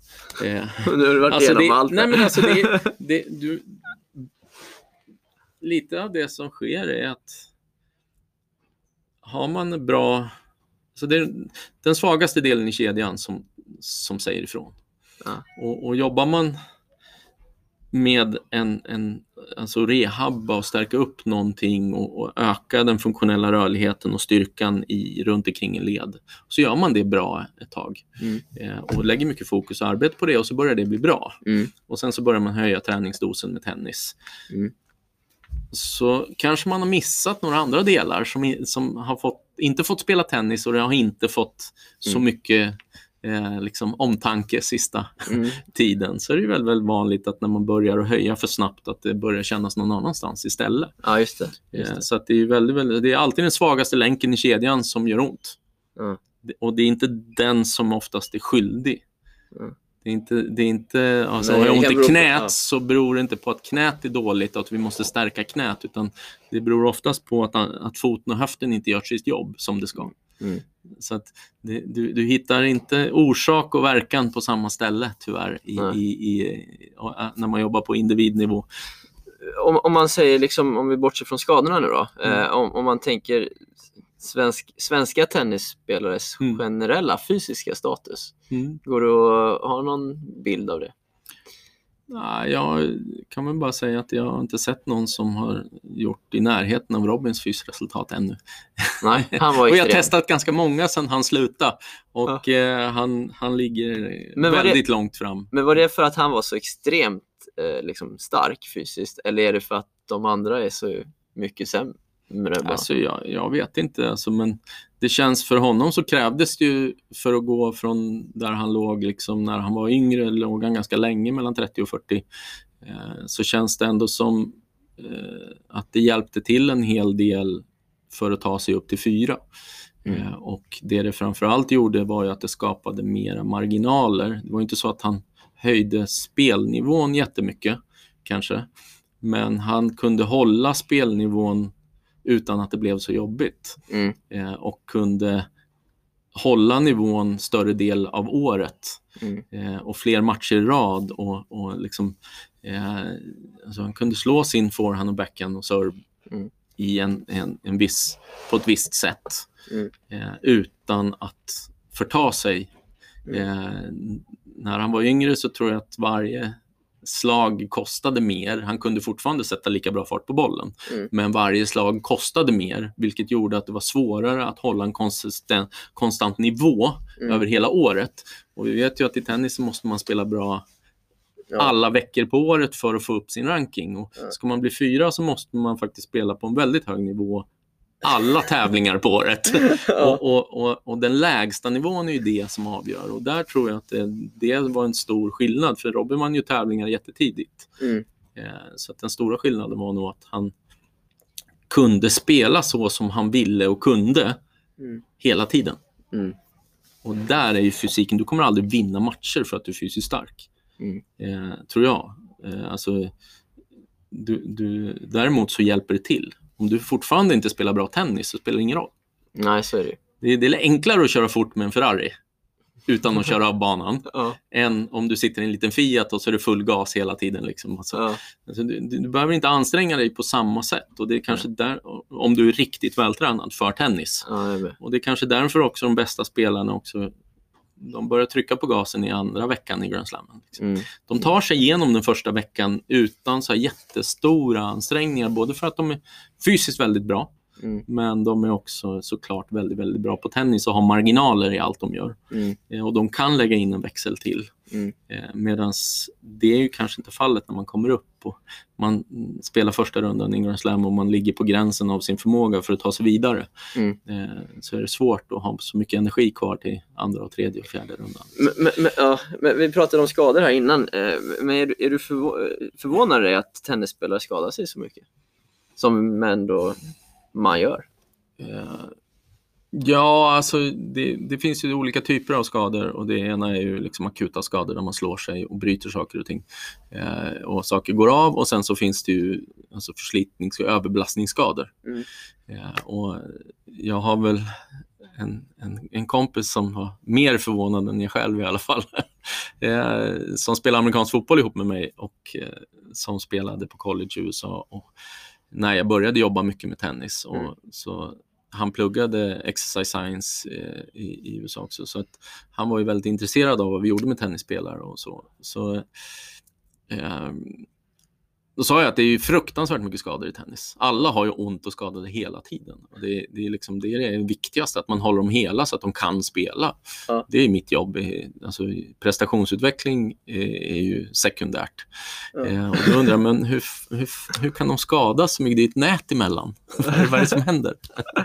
så att, Ja. eh, han kunde liksom inte riktigt förstå när man inte har någon kontakt med någon, hur skadar man sig? Liksom? Att han själv hade han spelat i tio år, både alltså hemma i Sverige och sen på college i fyra år och, och missade inte en träning och inte en match Nej. under de tio åren på grund av skada.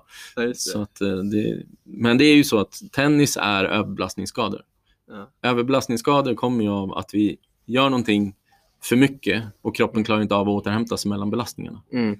Eh, Så att vi belastar mer än vad vi kan återhämta oss. Mm. Eh, Och till slut så blir det någon form av överbelastningsskada. Mm. Och det är inte svårare än så. Eh, Då måste man ju antingen se till att eh, ändra på typen av belastning så vi varierar belastningen lite mer. Mm. Eller eh, försöka bli starkare så att vi klarar av belastningarna. Just det. Men väldigt, väldigt, väldigt viktigt för belastningsskador är ju att hela kedjan hjälper till. Att vi belast- fördelar belastningen på hela kroppen när vi spelar tennis. Ja.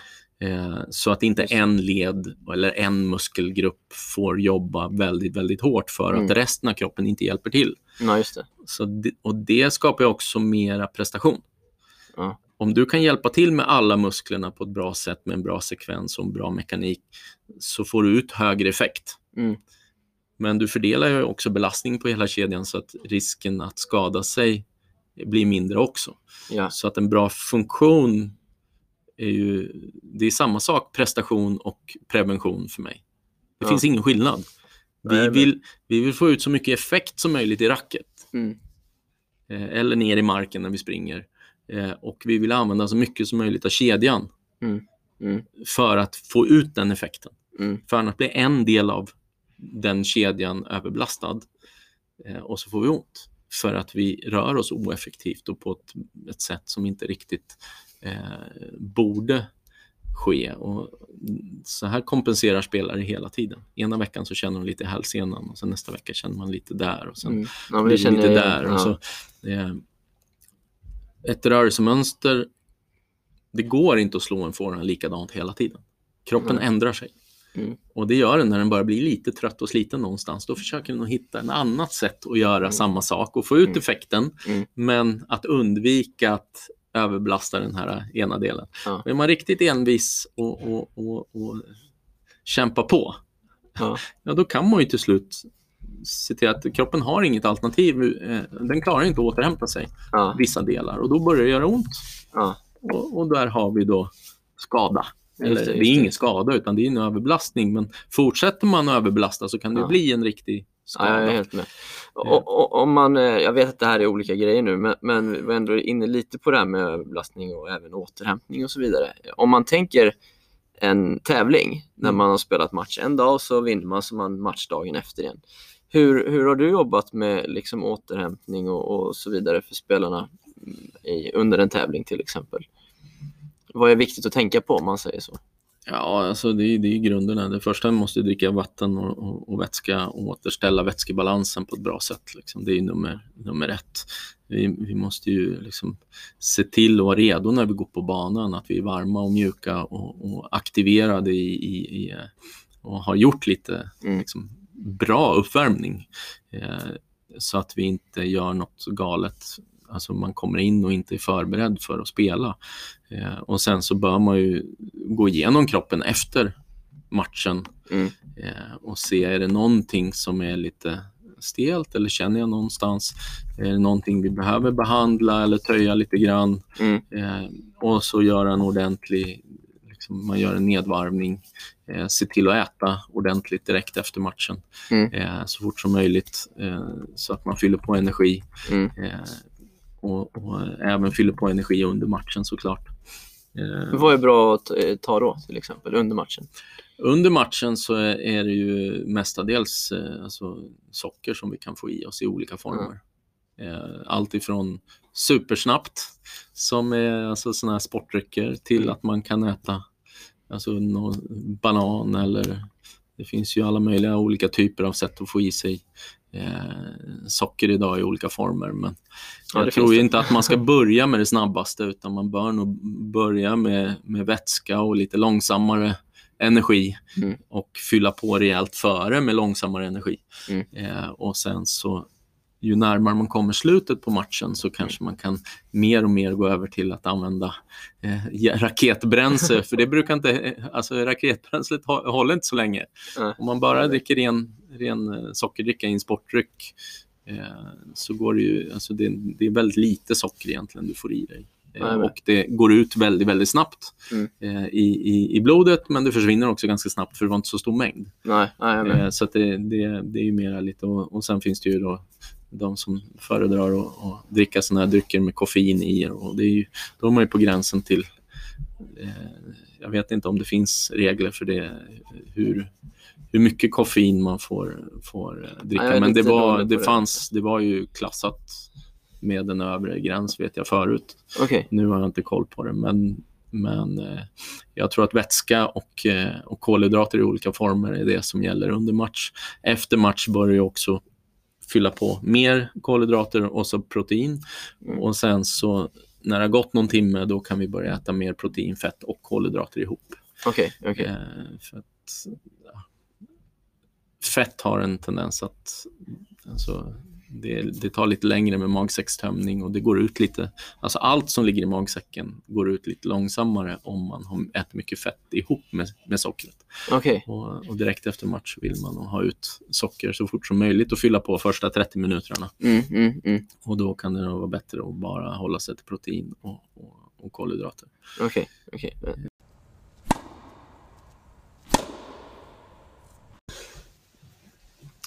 Ali där, jag vill bara stoppa upp lite för du, du sa att det först och främst det gäller att göra en bra uppvärmning inför sina prestationer och så vidare. Vad är en bra uppvärmning egentligen? Ja, Eller vad säger vad är en bra, vad är en uppvärmning i världsklass? Eh, för det första så är den individuellt anpassad efter vad du behöver. Jo, jo, men det är inget kul Det, svar. det är det första svaret. Men om man ska generalisera så, så tror jag att man bör få upp kroppstemperaturen lite grann först. Sen bör man ta ut lite eh, rörelser. Alltså man förbereder musklerna på att nu kommer det hända någonting. Så att lite dynamiskt, vad man nu kallar det, rörlighet eller eh, vad det så bör du förbereda kroppen för rörelsemönstren som ska ske Mm. på något sätt och ta ut rörelserna lite grann. Så att in, första gången du ställer i spagat så behöver det inte vara full fart. Liksom. Mm. Utan om, om det kan hända på matchen så kanske du har varit där ute och, och, Ja. och, och talat om för kroppen att nu ska vi spela tennis. Ja. Eh, Så att någon form av dynamisk uppvärmning och sen så övergå till att få igång nervsystemet med att göra lite explosiva saker. Mm. Eh, där du både kan hoppa och kasta och springa. Mm. Eh, och, och sen så när du är klar med hela den här processen så, så bör du vara så pass varm och ha fått flåsa rejält så hjärta och lungor är, igång också. Mm. Och, och eh, börjat att svettas och, och känna att du är redo att eh, liksom springa in på banan och knappt kan hålla dig från att slå första slaget. Liksom. Nu jäklar ska det köras. Liksom. Hur länge värmer Rebecca upp till exempel? Ja, vi brukar ses en timme innan. En timme ungefär? Ja, och då sitter hon redan på cykeln och sen har hon redan jobbat lite grann med lite rehab och tejpningar och annat. Så att hon är på plats liksom en och en halv timme innan ofta. Ja. Eh, om inte mer och, och, och fixar och trixar. Och är det något som ska behandlas före det så, så är det ju ännu tidigare. Liksom. Så det, Ja. eh, Inför varje träning? Eller ja, hon vi är extremt noggrann inför match och träning. Alltid Mm. med att skapa så bra förutsättning för att göra en bra träning. Mm. Eh, och då vill man ju inte känna att det känns stelt och att man inte är varm och att man inte har fått igång alla motorerna. Mm. Och då är det ju liksom cirkulationsapparaten måste vara igång. Liksom. Mm. Vi måste ha fått igång nervsystemet med lite explosiva saker. Vi bör ha gjort lite töjningar och tagit ut rörelsemönstren ordentligt Mm. så att vi, vi har förberett kroppen på vad som ska hända. Och, och, och då ser man ju att har man gjort det och kommer in på banan, då är det ju gasen i botten redan. Alltså inbollning, det är ju inte att man står och puttar till varann utan det, man rör på fötterna och flyttar på sig, man slår igenom slagen. Mm. Eh, Det är inte så att man blåser, men det är fattar. det, träningen börjar när första bollen går över nät. Har, har liksom, eh, som Robin och Rebecca och så, har de specifika uppvärmningsprogram? Eller är det lite att de vet vad, ungefär vad som ska göras och så känner de lite för Alla dagen. jobbar lite olika beroende på vad man har för problematik och vad man har för förutsättningar och vad man känner att man har lätt och dåligt för. Så att vi anpassar det eh, väldigt mycket och sen så har man ju utvecklat det genom åren. Och, men, men mest så blir det ju individuellt. Man, man har en individuell uppvärmningsrutin som man gillar Mm. eh, och som går igenom de här grundläggande sakerna. Och det kan ju vara så att man har mer stelhet runt höfterna och behöver mjuka upp höfterna mer. Eller så är det så att man måste lägga mer på axlar och, och bröstrygg och nacke för att känna att jag kan vrida på huvudet så jag ser bollen när jag ska vrida på, på Mm. kroppen. Mm, Så mm. det, det är helt och hållet på vad man känner är i behov av uppvärmning. Sen inför andra passet så blir inte uppvärmningen lika lång. Mm. Eh, och, och sen så efter så har man ju mycket efterarbete efter om man nu spelar två pass. Mm. Men eh, jag skulle väl säga att det är två, en och en halv till två timmar förberedelse före träning och sen så är det en och en halv till två timmar efterarbete efter sista träningen. Mm. Eh, och sen så är det lite korta uppvärmningar och nedvarvningar och stretch och sådana saker däremellan. Mm. Plus att man ska äta lunch. Så har du en tio timmars arbetsdag utan Ja. problem. Eh, du, gör inte, du gör inte samma sak alla de tio Nej, det, men det men, men det finns ju aldrig tillräckligt med tid att göra allting man vill. Nej. Eh, Det är Nej, inte svårt att få tiden att gå. Så om man nu vill bli bättre. För det finns Mm. alltid någonting att jobba på. Mm. Det är ju någonting som man... Det viktigaste jag har fått med mig är att både Robban, Rebecka eh, och, och Robin, alla tre är sådana att går det inte att jobba på en grej för att det gör ont eller är ett problem eller så, då tar man tag i någonting annat då, så man gör någon nytta varje dag. Mm. Man kommer närmare målet varje dag oavsett vad det står i vägen för någonting. finns inga ursäkter för att bli bättre. Det är liksom en gemensam mentalitet eh, som jag tror att de har alla tre varit extremt bra på. Och någonting jag såg på Pernilla också. Just det. Eh, Ali, när vi, vi hördes i telefon lite inför avsnittet och då sa du eh, någonting som jag tänkte fråga mig om. Du sa att, att sikta, eh, sikta på college är en elitsatsning, tycker du. Sikta på att POVTA är att drömma, uttalar du då. du Ja, berätta man måste, du ju först, man måste ju först bli så pass bra så att eh, man eh, kan, kan liksom platsa på college. Mm. Eh, och eh, det är inte alla som blir så bra. Nej, om man ser på ungdomsåren. Nej. Eh, och, och får ett bra erbjudande att gå fyra år Ja. i, i skolan. Där. Sen om det nu skulle vara så att man blir så bra så att man känner att nej, college är inte för mig. Jag är etta i världen Mm. som junior. Ja. eh, då, då finns ju alltid möjligheterna att bli proffs direkt och börja Mm. spela futures. Och så. Mm. Men jag tror att en sund inställning är att försöka satsa på att bli så pass bra så att man kan åka till college och ha en bra, alltså komma till en bra skola och få bra, Mm. fyra bra år college. Det går alltid att hoppa av Mm. eh, och, och börja spela proffs och sen komma tillbaka och göra klart sina studier senare. Mm. Mm. Men, men det är lite mer realistiskt för att eh, ibland så är det bra med realistiska uppnåbara, alltså mål bör vara realistiska och man bör kunna nå dem. Ja. Och man bör sätta delmål. Ja. Och college kan vara ett bra delmål Mm. eh, som kanske plockar bort lite press men du måste ändå jobba väldigt hårt. Mm. För att om man tar en enkel matte så är det ju liksom så att om, om idag, hur gammal är Federer? Han är snart 40, han fyller 40 i sommar. Mm. Och den yngsta spelaren på ATP-touren är 18.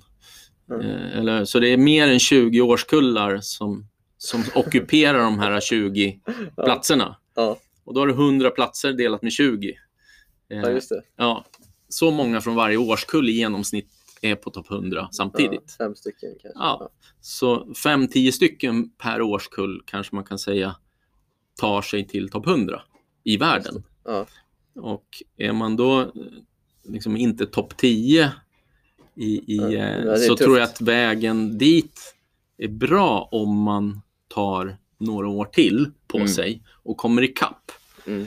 på college. För att det finns ju inget Federer har visat, och, Serena har visat att det finns ju väldigt, övre gränsen för ålder är ju högre än vad man trodde. Liksom. Mm. I och för sig Ja, var, verkligen. var ju Connors var ganska gammal också när han var bra.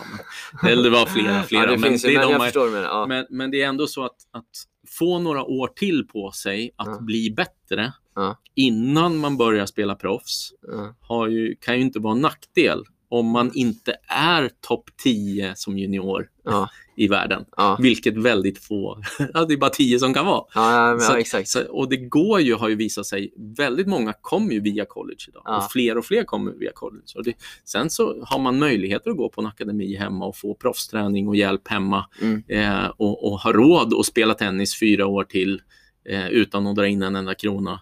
Fine, men jag tror att att få de extra åren Mm. om man ännu inte är topp, topp, topp, topp, är en möjlighet idag att kunna komma in när man är 24-25 Mm. och, och, och fortfarande ha 7, 8, 10 år Mm. på touren. Mm. Och det det är framförallt amerikanska spelare som har visat att det, det är en bra väg idag. Mm. Eh, och man kommer in senare och generellt sett så tar det ju längre tid från, från junior till, till, alltså, till topp 100. tar ju mycket längre tid idag Ja, ja, visst än det vad det gjorde för, för Ja. 20 år sedan. Ja, visst är det Och så. medelåldern tror jag när jag började med Robin var medelåldern 23 på topp 100. Okej, ja, den har ju Mm. Idag är den en bit över 30. Så Ja, att det har hänt en del. Ja. Ja. men den ligger runt 30 Ja, någonstans. Du, eh, om, vi, om vi går tillbaka till fysen då. Eh, vad, har du någon bild eller generell bild av eh, liksom hur fysträningen bedrivs i, inom svensk tennis idag? Nej, inte mer än att jag ser inte att de vi testar är explosiva nog. Nej, okej. Och det är mätvärden bara och jag jämför med Robin, eh, Ja. var han låg. Och jag jämför med internationella spelare som vi testar. Eh, och vi vet att de här testerna har hög, hög korrelation och samband med, med ranking. Ja. Och vi visar ganska dåliga resultat på de testerna i, i svenska, alltså med svenska mått. Och eh, med, en, med en bil med sämre hästar köra fortare, Ja. det är svårt.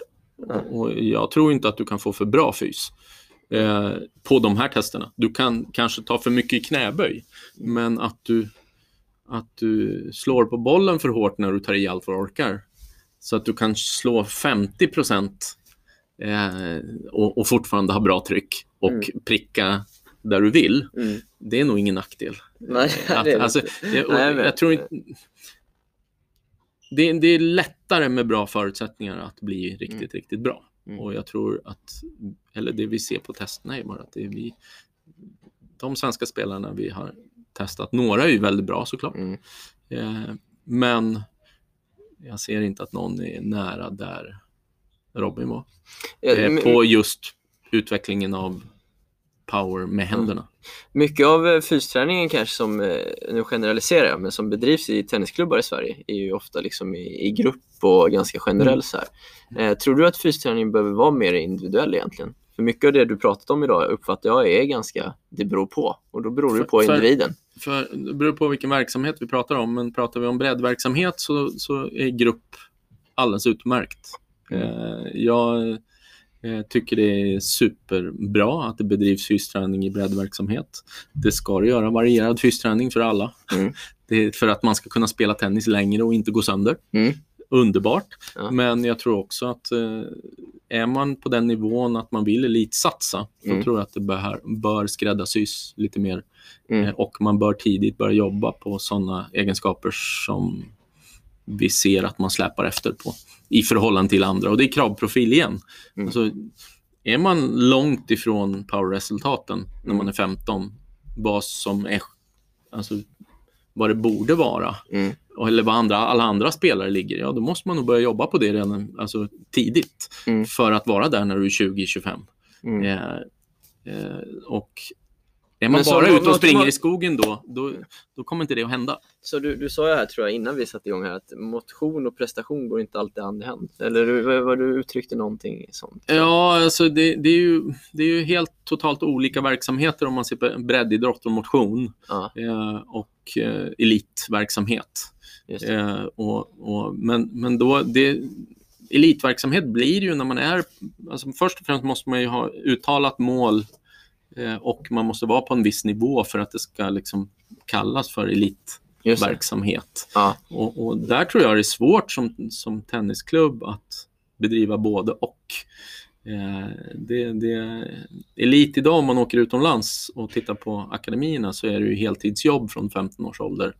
Eh, och, och man har i heltidsanställda fystränare, man har dietister, man har sjukgymnaster, man har läkare, man har alltihopa. Eller det, det kan ju bara, på Good to Great så har man ju helt andra resurser Mm. än vad man har i en klubb. Mm. Eh, och så ser det ut runt om i världen idag. Mm. Och det blir nog svårt att bedriva i klubbverksamhet och vi har inte tillräckligt många spelare tror jag för att det ska vara värt det. Mm. Eh, så då tror jag hellre att det, alltså, även för ett land som Sverige, att det hade funnits ett nationellt center eller att man hade kunnat dra ihop läger eller team som man har haft förut. Mm. Team kanske är det sättet som funkar i Sverige. Att man satsar på ett litet team. Jag var själv två år involverad i Team Twilfit, hette det på den Ja, tiden. Ja, Med Johanna, Nadja och, och Mikaela och Marie.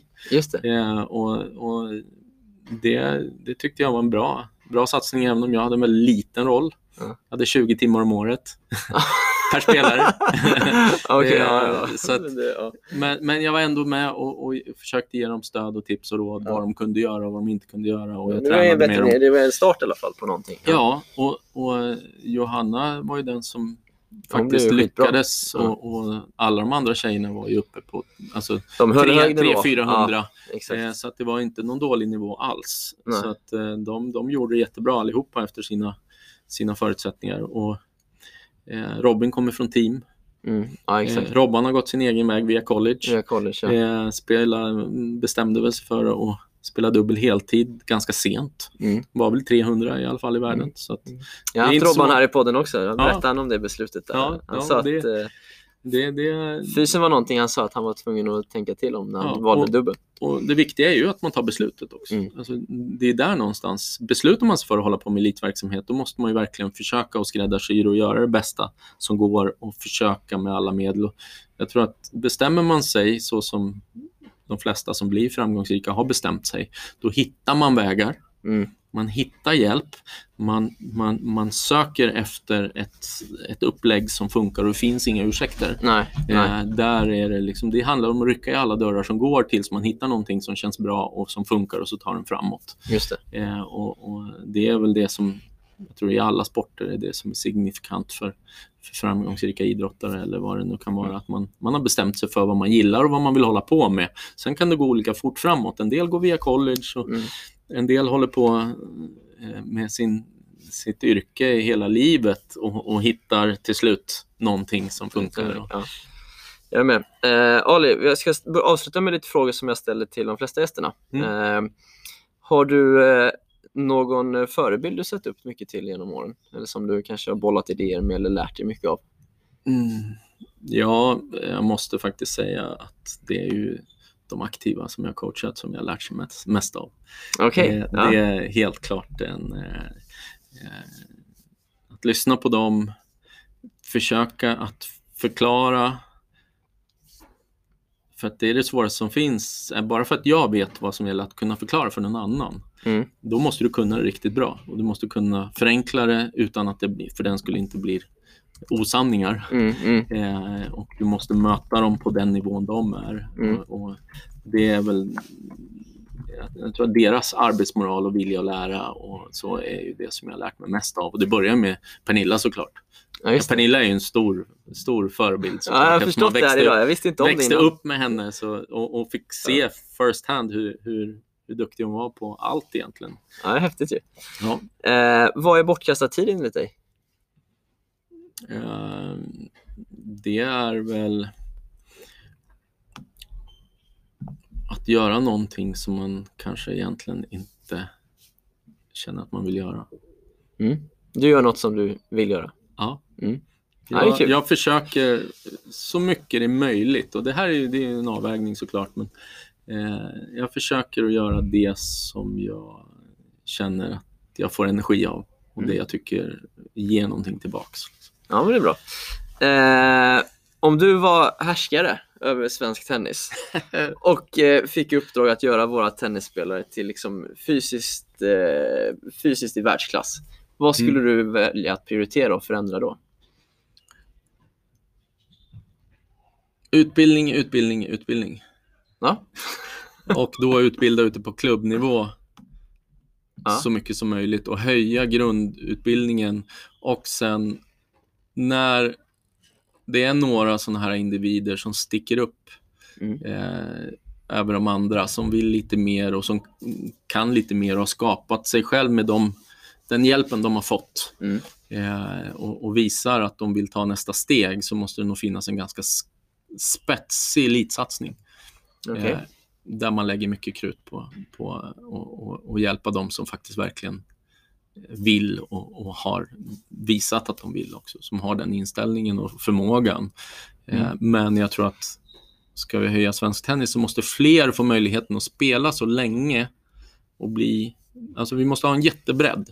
Mm. Så att förbundet tror jag är, eh, alltså, ut, skapa bättre breddverksamhet på juniorsidan och mer utbildning inom fys och skapa förutsättningar för fysträning året om Mm. eh, i alla klubbarna. Mm. Eh, men sen så tror jag att när det kommer någonstans runt 15 års ålder Då måste det spetsas då måste det finnas en mycket, mycket, mycket spetsigare elitsatsning eh, där det är professionellt och där man har riktigt bra stöd både liksom med, med eh, alltså coacher från alla yrken då, om man tar näringslära och psykologi och man har man alltså grundvetenskaperna så borde, bör det ju finnas hjälp då, eh, tycker jag. Och sen hur den hjälpen ska se ut, det tror jag också måste skräddarsys väldigt, väldigt mycket för att eh, jag tror nog att man eller jag vet, alla passar inte i någon form av box utan jag tror att man måste stötta spelarna i, i deras antingen hemmiljö Mm. och sen dra ihop i team ibland. Mm. Eh, Jag tror inte att det går att stöpa alla i samma form, för vi har för få. Mm. Så att de få som sticker upp, som verkligen har visat framfötterna, de måste man nog skapa ett stöd för som är väldigt, väldigt bra och skapa det runt omkring individen så att de kan få utvecklas och få hjälp. För att idag så känns det som att har du inte en stark familj eller tur att ha rätt tennistränare i din tennisklubb som är villig att lägga otroligt mycket tid vid sidan av sitt egentliga jobb. Mm. Eh, och i princip jobbar jag ideellt i tio år eh, med en spelare så blir det ingenting. Nej. Alltså om du inte får den möjligheten. Om du ser som Rebecca har haft sin pappa som, Ja. och, och sen andra coacher också och förbundet. Och Jag tar inte bort någonting Nej, från det som har varit runt omkring. eh, Men, såklart, eh, men de flesta har inte en heltidscoach från man Nej. är fyra år. Nej, så är det. Eh, Har, har du någon, eh, liksom, något samarbete med förbundet idag? Jag har haft lite samarbete sista, förra året Mm. med att jag var och stöttade lite grann på ett eh, läger med Robin. Eh, Okej. Med några som, som, eh, som alltså är landslagsaktuella spelare då, så var Just vi där och eh, hjälpte till lite grann. Men det är ju väldigt, väldigt lite. Det är ju en ganska liten del. Det är en väldigt liten del, ja. Hade du velat hjälpa till mer eller? Ja, absolut. Jag, jag delar gärna med mig och hjälper till när det kommer till individ och, och, och alltså, elitsatsning. Eh, Men sen så måste det vara möjligt i, i eh, min och i förbundets värld budgetmässigt att få ihop det. jag förstår. det Du är dyr. Nej, men jag, jag har ju alltså, jag, jag kan inte, jag är inte så rik så att jag kan jobba ideellt, kan man säga. Eh, Ali, en film eller bok som du har hämtat inspiration ifrån? Eh, film eller bok som jag har hämtat inspiration ifrån? Mm.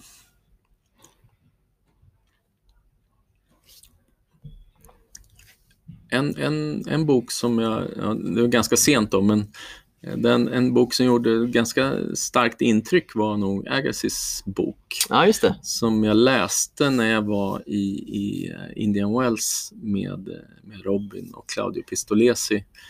Eh, Och när jag hade precis läst klart den så gick Claudio och jag skulle dricka kaffe nere i, i restaurangen och då, då, då kommer Agassiz fyscoach och Agassi och hälsar på, på, på Claudio. Och där står jag bredvid så här. Fan, de här grabbarna känner jag igen alltså. Nej, vad roligt. Så det var, men, men det var en ganska stark, tycker jag, berättelse eh, ändå i den. Och, om eh, alla de våndor som är att Ja. försöka stötta en elitsatsande spelare på den nivån. Och, Ja. eh, det var en ganska tuff tid liksom, i, i Robins karriär och, och, och det är tufft att vara runt omkring eh, också eh, i teamet. Då. Så att jag, jag kände igen mig i en del saker. Och, eh, var, var en väldigt sån Ja. så här, skum upplevelse. Men Ja, jag jag har tagit med mig väldigt, väldigt mycket från den boken i alla fall. Ja, vad häftigt alltså. Mm. Eh, en av de sista frågorna här. Tror du på något som du upplever att andra kanske inte riktigt håller med om? Jag vet inte. Eh,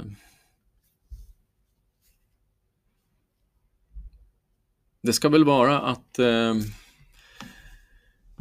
jag tror ju väldigt, väldigt, väldigt mycket, eller tror, jag har märkt att det ger väldigt, väldigt, väldigt mycket att träna eh, alltså upp rörelsemönster och funktionell rörlighet och rörelsemönster. Eh, för att vi har mätt power Mm. och sett stora skillnader på väldigt, väldigt kort tid som inte kan förklaras av muskelstyrka. Mm. Utan det är samarbetet mellan, mellan dem, alltså hur vi gör rörelsen Mm. och de mekaniska vinklarna som muskler och leder får som helt plötsligt gör att vi har 20% mer power på, på Mm. två veckor. Ja. Eh, du får inte 20% mer power på två veckor om du inte drastiskt lär dig att förbättra tekniken i den rörelsen du gör. Mm. Eh, och, och I tekniskt svåra rörelser som, som eh, väldigt många är i tennis så, så, så sker det. Och jag har ju sett det och mätt det med väldigt bra verktyg under de sista tio åren. Och eh, det går att göra större förändringar på effektivitet än vad vi tror. Mm. Mm. Eh, Men det sker ju inte utan att det finns en grund. Hade Nej, inte musklerna funnits där så hade du inte kunnat koppla på dem och göra det bättre i kedjan på så kort tid. Mm. Mm. Eh, För att normalt sett så ska det ju vara ta, alltså, åtta veckor innan vi har någon adaption överhuvudtaget. Eh, Okej. Som är mätbar om du tränar i åtta veckor och så ska vi mäta igen och så hoppar du lite, lite högre eller utvecklar Ja. lite mer power.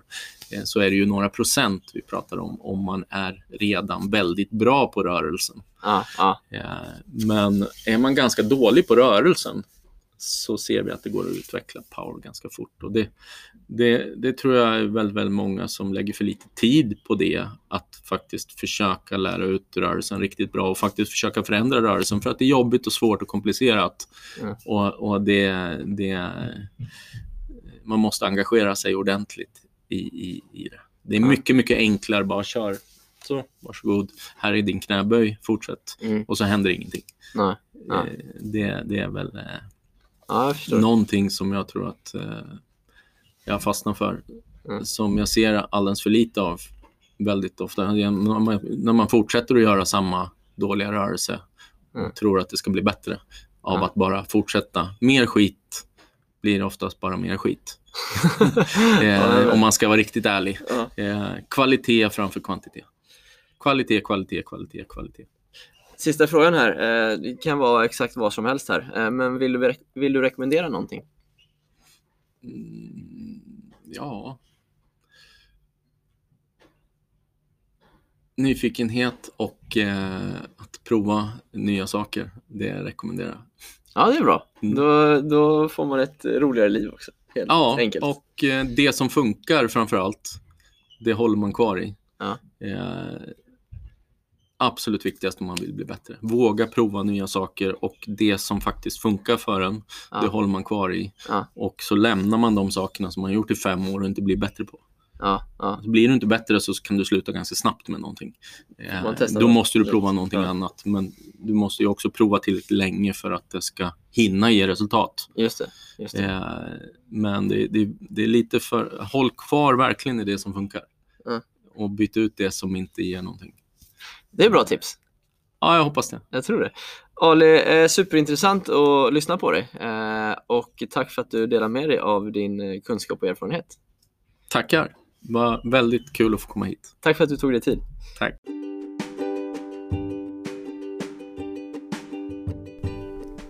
Ja, det där var Ali Gelem. Jag får villigt erkänna att precis som när jag haft andra fystränare med i den här podden så är jag helt enkelt för okunnig för att ställ kunna ställa väl, riktigt bra följdfrågor på en del saker. Men det är just det som är härligt, att alla är bra på olika grejer. Rätt person på rätt plats. Kan vi jobba så i svensk tennis så finns det rätt mycket kunskap som vi kan nyttja där ute. Men om en person som inte är på rätt plats, eh, då använder vi inte allas spetsegenskaper på bästa sätt. Jag tyckte det var kul att höra Ali eh, prata om hur han, eller det är alltid intressant att höra en tränare som jobbar med riktigt, riktigt bra spelare, hur de tänker och hur de arbetar. Hur man med, i, i världstennisen får väga kortsiktiga beslut om startpengar, rankingpoäng mot ett mer långsiktigt tänk. Och hur Ali säger att det i slutändan alltid är spelarens beslut. Spelaren är chefen för det här tennisföretaget så att säga. Eh, tyckte också det var kul att höra hur, hur Ali trycker på att det är viktigt med power, att kunna få fart på, på bollen, hur varje individ eh, är olika, att man måste se till varje enskild spelare. Vad passar dig och vad passar dig? Och då kan det vara svårt när det är för stora grupper man jobbar med ute i klubbarna. När det till exempel kanske till och med är tennistränaren som håller i fysträningen. Hoppas ni gillade det här avsnittet med Ali. Vill ni komma i kontakt med mig så är det bara att eh, mejla på linus.erikssonsnabelatennismagasinet.se och glöm inte följa mig på Instagram. På återhörande!